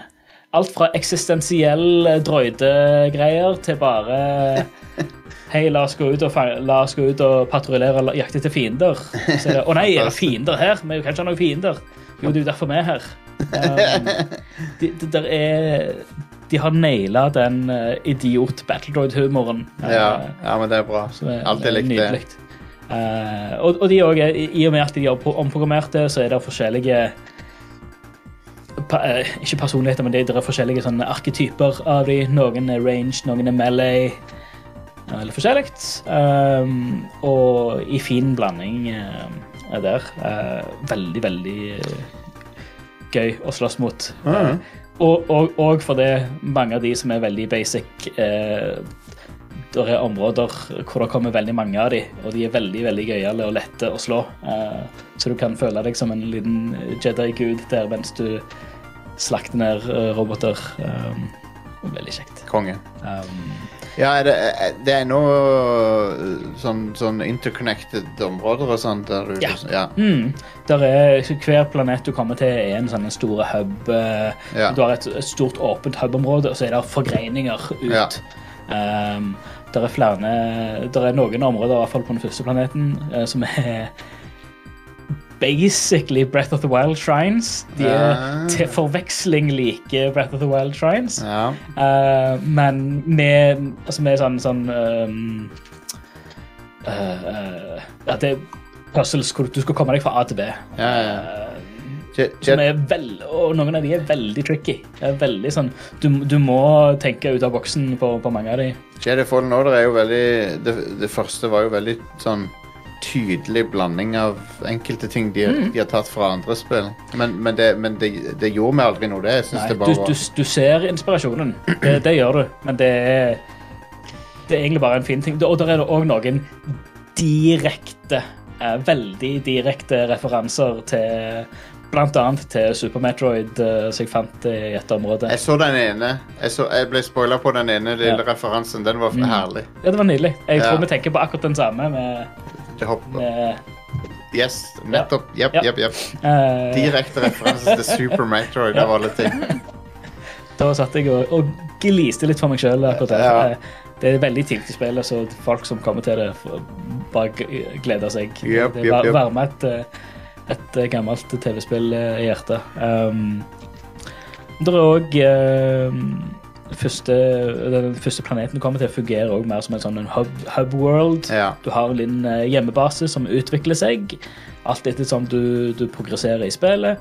Du kan rekruttere folk til å komme til den basen og gi dem nye funksjoner. Eh, blant annet eh, ja, mer musikk eh, til, Ja. til, så du kan høre på. Um, det er jo et minigame som åpner seg, som er litt sånn jeg føler det er nesten sånn autochess-type minigame Ah, okay. som låses opp inni der. Du, det er jo det, er jo det um, uh, Final Fantasy 7-remaken har òg, det Mm. der uh, Cape Condor. Det er jo sånn auto-chess-opplegg, OK, kult. Basically. Tøft. Autobattler. Så, Ja. Så det er basically, basically det. Du plasserer ut units som går av seg sjøl og Ja, angriper. Sånn. Ut, Ja. Du har points, forskjellige units som koster forskjellige typer points. Plasserer de ut på en liten sånn en liten, så det, hva er to ganger fem eller to ganger seks uh, grid. Mm. Så trykker du uh, go. Eh, og det er ja, ranks, unlocks Awesome. Fort Condor heter det i Final Fantasy 7. Hæ? Fort Condor. Fort. Condor. Ja, OK, jeg sa Cape Condor. Ja. Hvorfor sier jeg det? Du husker feil. Mm. Og det er vel uh, Fort Condor er ikke i Final Fantasy 7-remaken. Det er uh, Det er i DLC-en. Ja, det er i DLC-en, ja. Ja. ja. Det er også Det er vel også med i Originalen. Ja, det, ja, Ja, det er det jo. i, i et annet format. Det er ikke helt samme ting. Nei, men det er ganske lignende. Ja. Men uh, er det um, Jeg er jo veldig interessert i, uh, i lyddesign i Star Wars og musikken og sånn, og det har de sikkert naila. Så. Mm. Ja, det, det har, har vi snakket tidligere med han eh, Ja. Steven, uh, Steven Barton. Barton. Uh, både in game soundtracket, så du kan samle på låter til, til en liten sånn jukebox i hovedbasen, Ja. til altså Jizzen. Uh, ja. Eh, In game score soundtrack er helt fabelaktig. Der er ja, klassisk intens Star Wars uh, ja. actionmusikk i, i Det- intense sekvenser. Det, er den, det, det er den typen Star Wars-musikk jeg vil høre.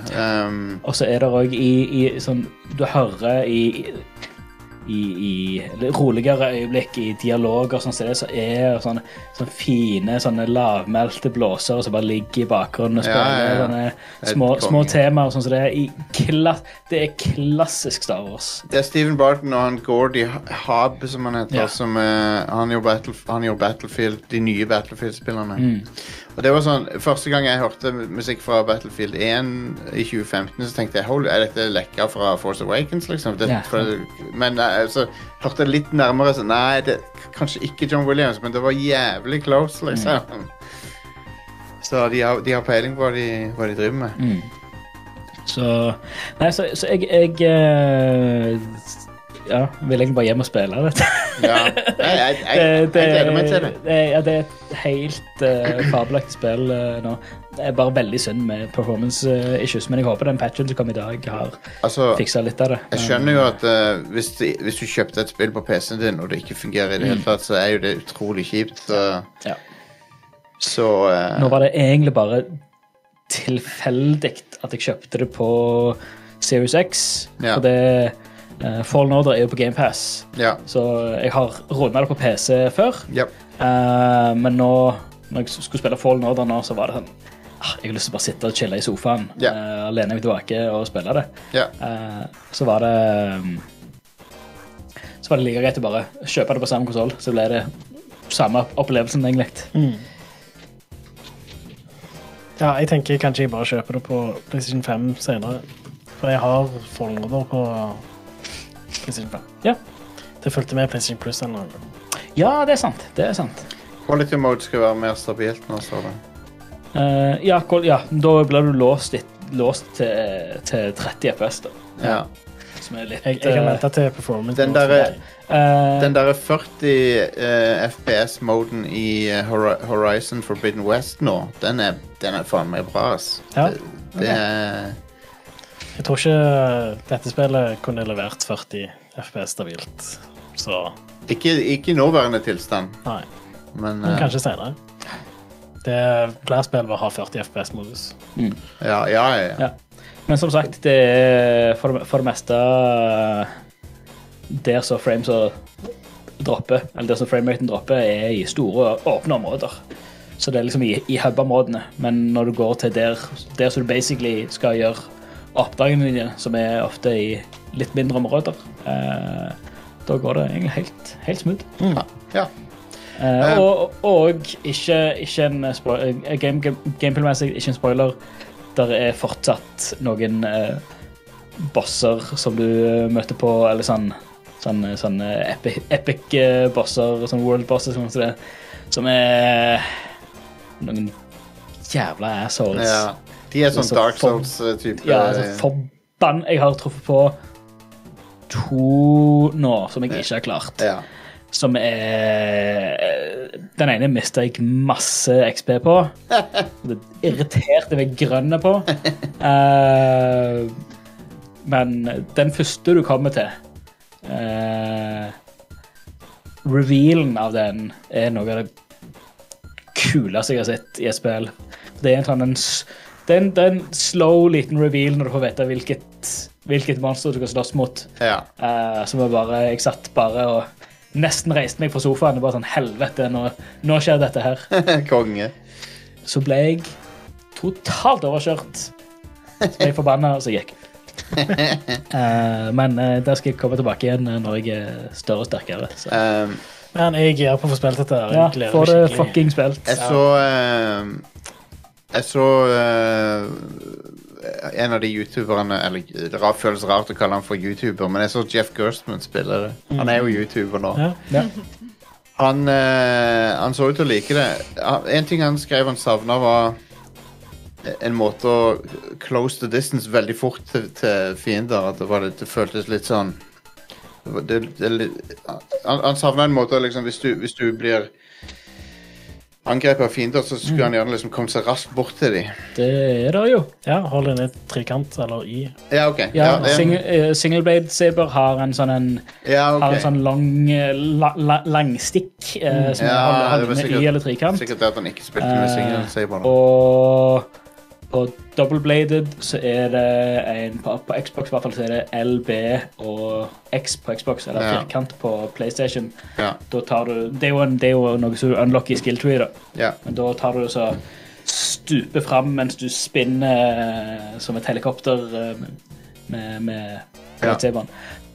Det er noen moves i dette spillet, noen lightsaber moves og fighting moves i dette spillet her som er helt ridiculous. Det, det, det å på liksom, stil- og koreografinivå er det så på, på Clone Wars og Rebels uh, lightsaber-nivå. Ja, det virker mye bedre enn det det var til og med i Fallen da, som var Ja, ja, ja. Det, ja. liksom, så, det, det er helt wild, og du føler deg som en goddamn helt der når du faktisk klarer det. Hele, hele greia med Fallen Order var jo at du er Du slutta jo opplæringa di når du var liten, så, Mm. Så han er jo ikke god i det hele tatt. Sånn, Og så har han jo ikke trent heller på ganske lenge. For Nei, har hatt, eh, energi på å gjemme seg. Ja. Nå, Uh, men nå, nå er det Nå er han eh, nå er han, han har ikke jobbet som scrapper på mange år. Nå er det bare full on Han har basically jobb som en, som en uh, skjult Jedi mercenary i fem år. Ja. Så han er en fuckings badass uh, nå. ja. Det er kult at du beholder alle, all progresjonen fra det forrige spillet. Det, ja, det, det, var, det var veldig, veldig tilfredsstillende. Jeg, jeg, jeg elsker jo eneren, men combaten åpner jo seg opp veldig seint. Ja. Um, men når han gjør det, så er han fantastisk. Mm. Det lille jeg har spilt av det da, til nå, så eh, eh, føles det som på slutten på Aiden, basically, i begynnelsen. Ja. Så, Det, det, det så er bygger du ut enda mer. Ja. Så, Eh, en annen ting, eh, vi liker jo alle BD. Han er jo Yes. en veldig eh, BD er tilbake eh, og har mye mer eh, kosmetisk modding på både BD og lightsaber og på Cal. Eh, og BD er bedre enn noensinne. Ja, det er bra. Det er bra å høre. Jeg kom på, jeg kom på en ting. Jeg, jeg spilte jo Street Fighter 6-demoen. Ja. Um, vet ikke hvor mye jeg skal si om det, annet enn at uh, jeg, har lyst, jeg har bare lyst til at et spill skal komme ut nå. ja. Det er konge. Ja, og den cha character creatoren kan jeg snakke om. Den er fuckings wild. Kan man lage sin egen character? Ja, um, og måten du gjør det på er Eller måten der den brukes, er i open world eh, story-moden. Ah, ok. Ja. Uh, og, og med den characteren så kan du få en mentor som liksom kan være uh, Zangief eller Chun-Li eller noe, så du kan ha stilen til de og lære deg movesene til de. Ok. Altså du, du, du slåss med din egen karakter. Ja, Oi. men, men du, du, du, du, du har en av de klassiske karakterene som mentor, da. Ah, Uh, og så løper du rundt i åpen by og greier. OK. Treffer, Interessant. treffer du på gjengmedlemmer fra Mad Gear, som er skurkene fra Final Fight. Mm. Uh, Og så er det statue av tidligere borgermester Mike Haggar der. sånn. Nice. Awesome. For han er blitt honored med en statue. Hell yes. Jeg- det er noe som er så kult med at Street Fighter og Final Fight er samme universet. Jeg elsker, det, jeg elsker det opplegget. Men character creatoren er noe av det mest sånn der, eh, vers versatile jeg har sett i mitt liv. Du kan, du kan lage utrolig kule characters eller totale monstre. Som ser bare stupid as fuck ut. Konge. nice. Du kan lage Blanka. Og det påvirker Jeg vil lage meg sjøl med movesettet til Blanka. Ja. Men, men, men siden dette ikke brukes i konkurransesammenheng, så, så lengden på armer og bein og størrelse på kroppen, alt det påvirker slåssinga òg. Oh, ja. Mm. Så du har mer reach, eller du har liksom Stilig. Ja, så Bare lag en knøttliten kropp, så du har eh, nesten ingen hitbox. Og så har du en jækla lange armer. Eh, Så blir det som å slåss mot Gon. Ja, basically. Ja. Men, eh, men nei, det, det virker som en artig liten mode. Um, og så har de tutorialen uh, også med, der du kan lære deg movesettet til uh, Ryu. Mm. Uh, Dette var en demo som er ja, tilgjengelig det, for alle? den er tilgjengelig for alle, ja. Ok. PS5? Eh, ja. Eh, og, så vi, viser de fram de forskjellige move eh, kontrollstilene. Mm. Som er classic, og så er det en i midten, og så er det en sånn superlett en. Alright. Og den, den, den, den letteste er basically button mashing, og så gjør du awesome ting. OK. Nice. Um, og den i midten er sånn der har de forenkla det en god del. Mm. Og det, den vil jeg tro mange kan ha det veldig gøy med. Ja. Mens jeg, med, når jeg har fått med den stikka, så må jeg jo, jeg må jo bruke classic ja, moveset. Mm. Um, jeg merker det er sånn Det sitter, det sitter litt allerede, så jeg begynner å Begynner å få det til. Men, eh, men hei, det, det Ja. Det, jeg, jeg gleder meg sykt til det spillet. Det blir, uh, blir Nice. sjef. Men uh, Jedi Fallen Order er jo en uh, det, det er sikkert en anbefaling med litt forbehold av, av plattform, da. Survivor, mener du? Ikke Fallen Order? det, God damn it! Jeg sier alltid Fallen Order. Jedi Survivor. Yep. Det må vel være en anbefaling med litt sånn forbehold, da. Ja. Forbehold at det er litt tekniske issues, uh, men som eh, så Det er frustrerende, da, for spillet virker jo amazing. Ja, spillet er helt nydelig. Det, Ja. det er så fett. Det er bare, de har bare ikke hatt nok tid, så i, i, Mm, det, ja. EA har vært sånn Nei, det må ut. Ja. Jeg får spille det når det skulle ha kommet ut. Ja. Ja, sant. Men det, det er sånn Alt det som en ser øh, Alt det som feiler med spillet nå, eller alt som mangler med spillet nå, Ja. det er ting som kan og vil bli patcha. Så det er bare et tidsspørsmål uh, før det funker sånn som det skal funke, egentlig. Ja. uh, det Regner jeg med. jeg, jeg, jeg har ikke tvil om at de fikser det. Mm. Um, og, og det er ikke den typen problem som Cyberpunk hadde med at det liksom det, det, det, det, er kun tekniske ting, sant? Ja. Så Det er kun performance issues, Ja. egentlig. Cyberpunk var det tekniske og ting som på en måte var Det innebygd var i sånn Ja. dårlig designa Ja. level-system og Ja. Ja. Um, de har jo fiksa noe av det, sånn. Det har- ja, til en viss grad. Nei, men jeg, jeg er hyped, jeg, altså. Jeg, jeg har bare ikke fått sjansen til å spille det ennå, men um, Jeg for øvrig koser meg eh, i hjel med det kosmetiske systemet. Uh, ja. masse forskjellige antrekk eh, mellets. og ja. Kan du ha sånn 70-talls kinnskjegg og sånn? Eh, ikke sikkert fått ennå. Jeg har sett eh, i, i den, hos den ene vendoren, så kan jeg i hvert fall kjøpe en bart. Eh, jeg har unlocka en hanekam. Jeg har Og en hvor jeg, en hvor jeg basically ser ut som ehm, Å, herregud. eh, tyske eh, Formel 1-sjåføren som akkurat Sebastian Vettel. Sebastian vet Med, når Sebastian Vettel har på seg den jævla pannebåndet sitt Nice. det er det, den med bandana. Han har altså akkurat Sebastian Wettel-sveisen med pannebånd. Jeg liker det at uh, med, med unntak av The Phantom Menace, vel, og, og til dels de andre prequelsene òg, med unntak av det, så er Star Wars-universet stuck estetisk på 70-80-tallet. Mm. Det er vel, Ja, det er veldig kult når en ser ehm, eh, altså Clone Wars era, og spesielt nå siste i Bad Batch og i i um, uh, Herregud. Bad bitch. Bad Bitch. Eh, eller når du, når du ser i de, de eh, Andor. Andor, eller, ja, eller hva? Andor er jo veldig 80-talls uh, look på Ja. ting. Mm. Du, ser, du ser, du ser ting eller når du ser ting som er satt i, i eh, mellom prequel-æraen og original-sequel Nei, original-trilogi-æraen, så ser du hvordan de gradvis går over til altså, Eller når republikken går over til å bli et imperium, så ser du mer og mer at offiserene begynner å få skinnskjegg og begynner Ja, å anlegge bart. eh, og får yeah. mer og mer den 70s-looken. Uh, ser det veldig godt i, i Clone Wars Ja, eh, konge. og i Bad Batch nå. At det, det er mer og mer en overgang til den 70-talls-looken. Og det er så, det er så sykt tilfredsstillende. Det, det er et Ja. bra, bra estetisk uh, valg. Mm. Um, Og, kul, og kult også at de i den animerte serien at de faktisk gjør en effort for å få altså, den, den uh, personlige uh, estetiske uh, stilen òg til Ja, ja. at, at det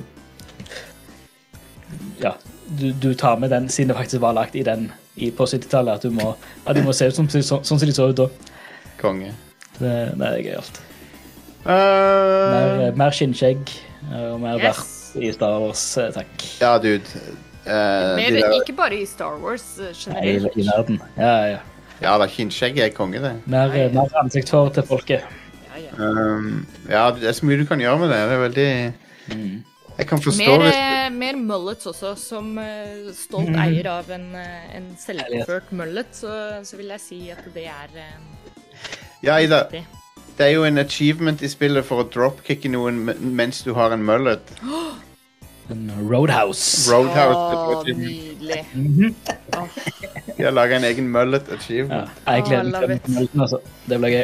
Mullet og skinnskjegg. Ja, Ja. hell Eller yeah, mullet, dude. mullet og bart. Du, får- du får en skikkelig eh, Det er jo eh, et kosmetisk ja, som var jo Som har jo blitt vist i, i alle sånne PR-bilder. Du har jo både en sånn neckbeard-sak, men du har en Hulk Hogan eh, trucker-bart. Å, Så du kan ha full mullet og trucker-bart. Og, og jeg har òg akkurat unlocka en wife-beater. Så hva, hva mer trenger du? What you gonna do, brother, when the Jedi Council um, Men ja. Nei, det er, det er konge. Ja. Takk for veldig bra eh, omtale, Stian. Jo, takk, takk. Veldig bra.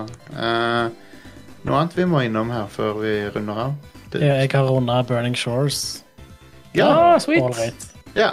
Sånn som, altså, det er ganske bra sånn som hovedspill, egentlig. ja. Ok. Veldig sånn samme kvalitet. Al Alex teksta meg, så- han sa han elska det. Han Ja, var sånn ja. helt i hundre over det. Konge. Så det er jo uh, Ja. Jeg tror jeg hadde likt det bedre hvis det ikke var så lenge siden jeg hadde spilt uh, hovedspillet. Mm. For det fortsetter jo etter hovedspillet. Ja, det gjør det. Det krever liksom at du Det krever en karakter som er levela opp. Og sikkert litt, uh, sikkert litt vemodig med, med han silence og sånn.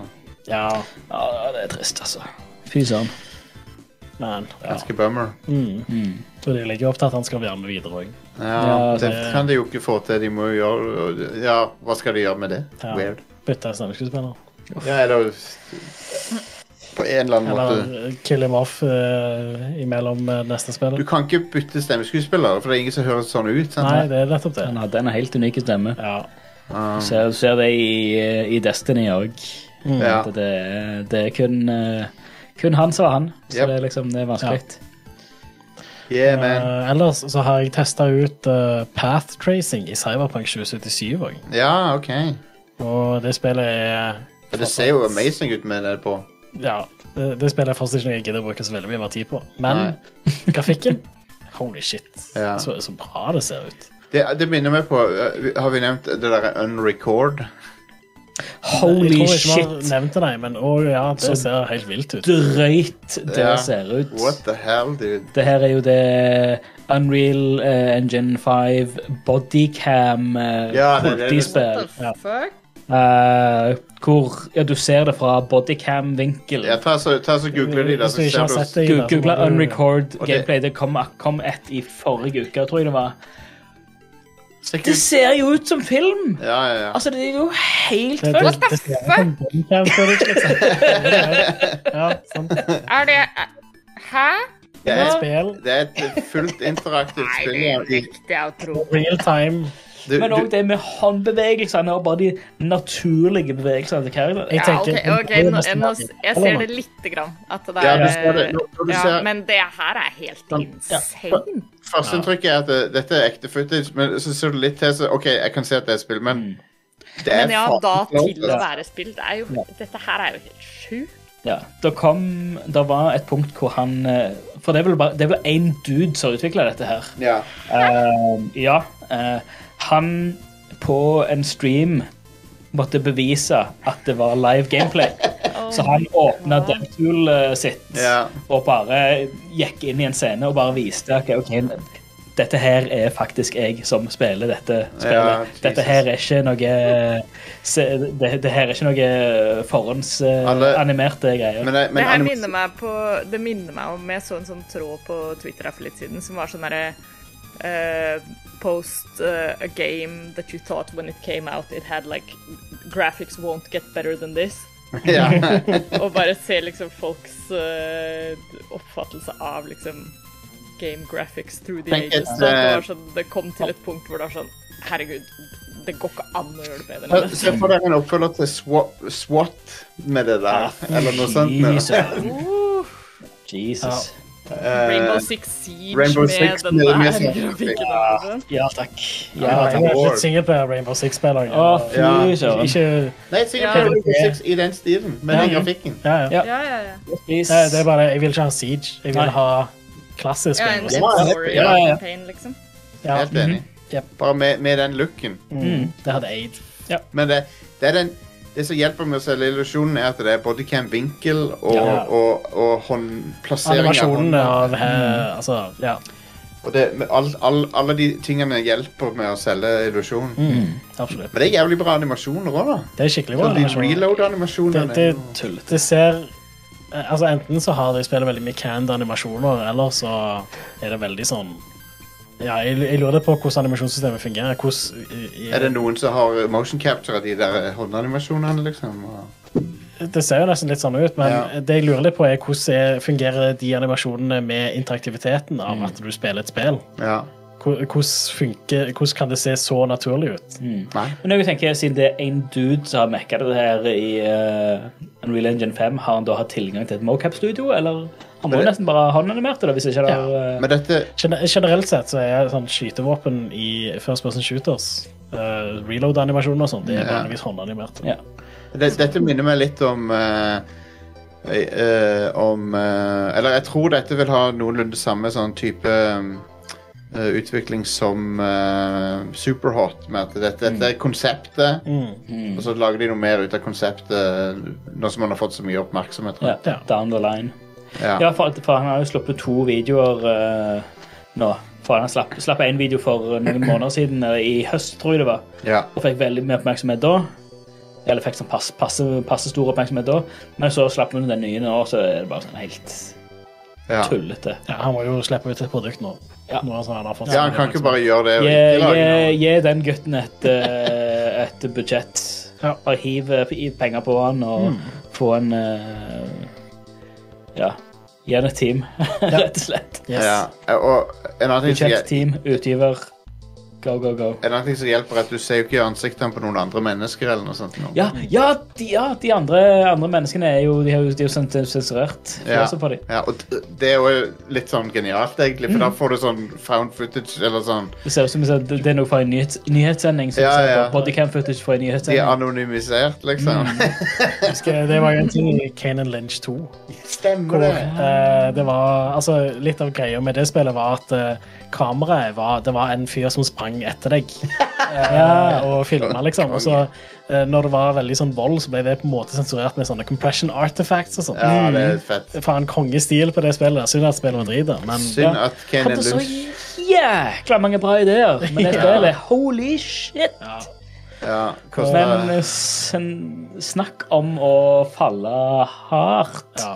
på ja, det, tenk, tenk, Det er sånn det, det har vært en diskusjon i siste om det er, det er så mange remakes av filmer og sånt. Uh, men det er nesten bare remakes av gode filmer. Hva med å remake en film som var elendige, og remake til det potensialet som han kunne hatt? Ja, Kanan tenker jeg, Gjør det samme spill. Remake et spill, et spill som hadde et vanvittig potensial, men det bare gikk til helvete under utviklinga. Så altså, Ja. remake det spillet og gjør det skikkelig. Ja, ja.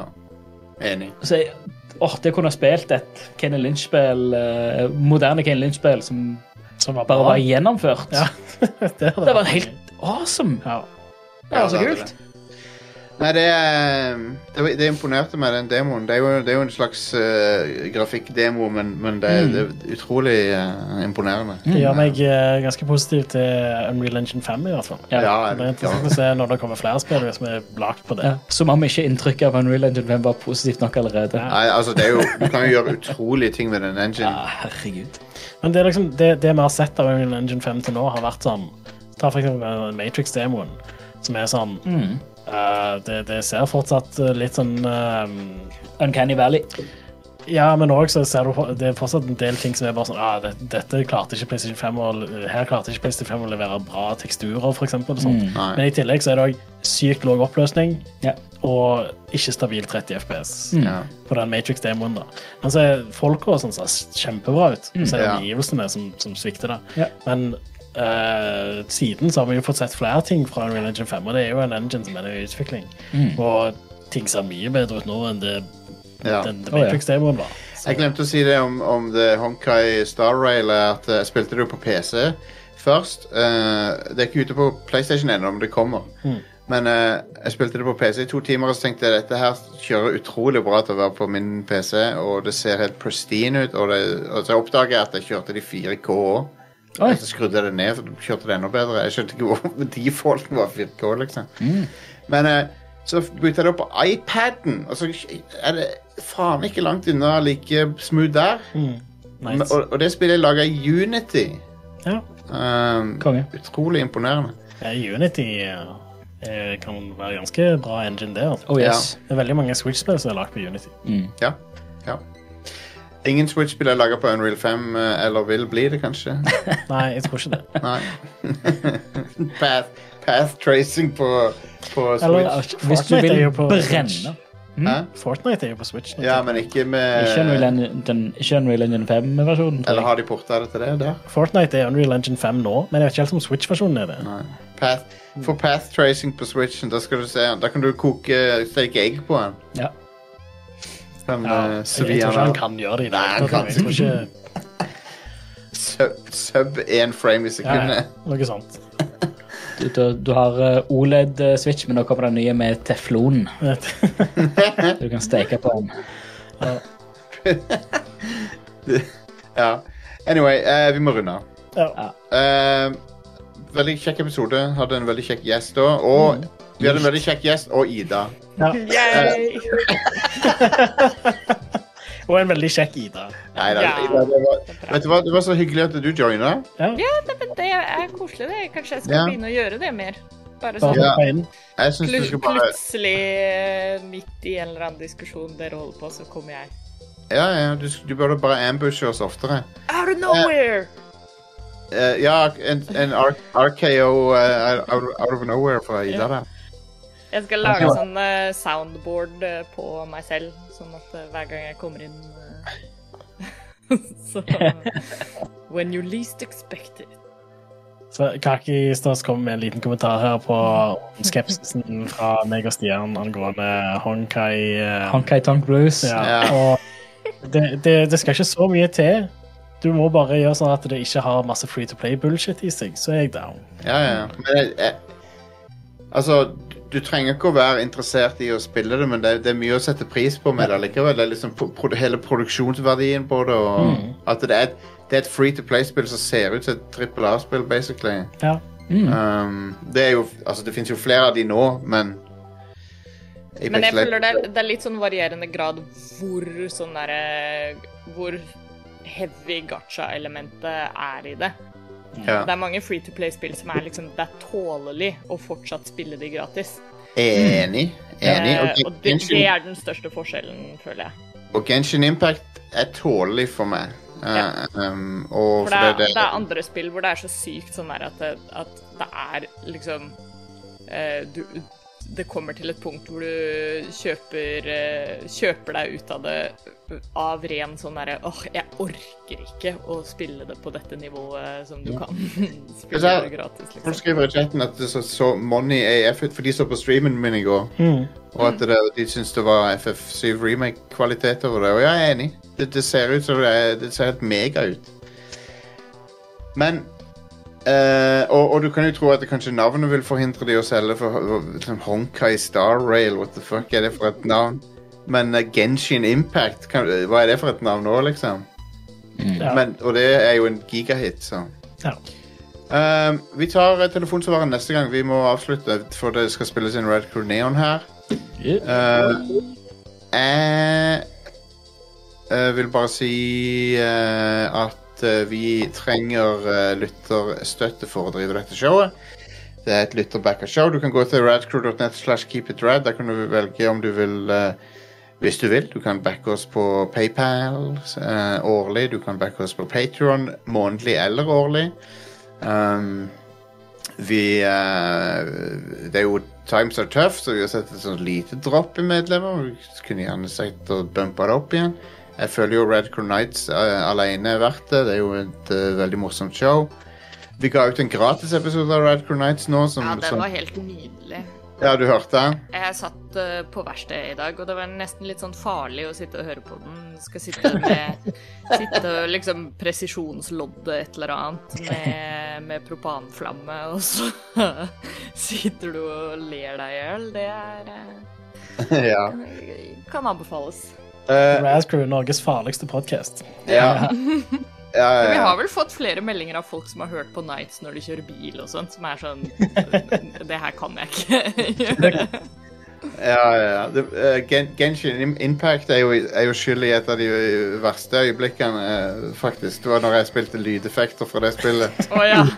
Når noen, jobb, noen jobba i garasjen med døra åpen. Å nei. Så var det sånn stønnelyder fra hun der inne. Ja. Deilig. Um, så jeg beklager ennå det. Jeg har litt dårlig samvittighet for det. Men um, patreon.com slash radcrewpodcast. Uh, og så har du um, uh, discorden, Are. ja, vi har en discord. Ja. Radcrew.net slash discord. Yes, Eh, akkurat det. Akkurat det. om, om, noen er dager så. Ja. om noen dager så flytter de hostinga vår. Så I don't know, jeg håper at det ingenting uh, klikker på nettsida vår. Men nettsida er da radcrew.net. Uh, vi får se. Alt er Jeg håper spennende. ingenting klikker på nettsida, men håper at masse folk klikker på nettsida vår. Vi gjør over alle DNS-oppføringer og sånt. Ja, det har jeg gjort. DNS-oppføringene er fiksa. Det, det, det er an visse andre ting jeg er litt engstelig for. Ja, Men jeg har backup av database og filer og alt. konge. Da er vi uh, safe. Ja, Men det, da er det bare en hassle, for da må jeg sette opp nettsida på en annen hosting eller whatever. Det Jeg går vet, fint. jeg vet hvordan jeg gjør det, men det er ikke noe gøy å holde på med. Nei. Um, så um, Så what- the fuck, er det noe mer, da? Ja, Nei, bare uh, fortell kompisene dine om uh, Radcrew. Ja, ja, spre Ja. Vi er jo uh, the, the Little Guy. Ja. Uh, du har noen gigantiske podcaster der ute. Vi trenger all uh, støtte. Og jeg Hvis føler du kjenner noen som kanskje vil like å høre på, Ja. bare gi dem et lite hint om at vi fins. Yes, sirree.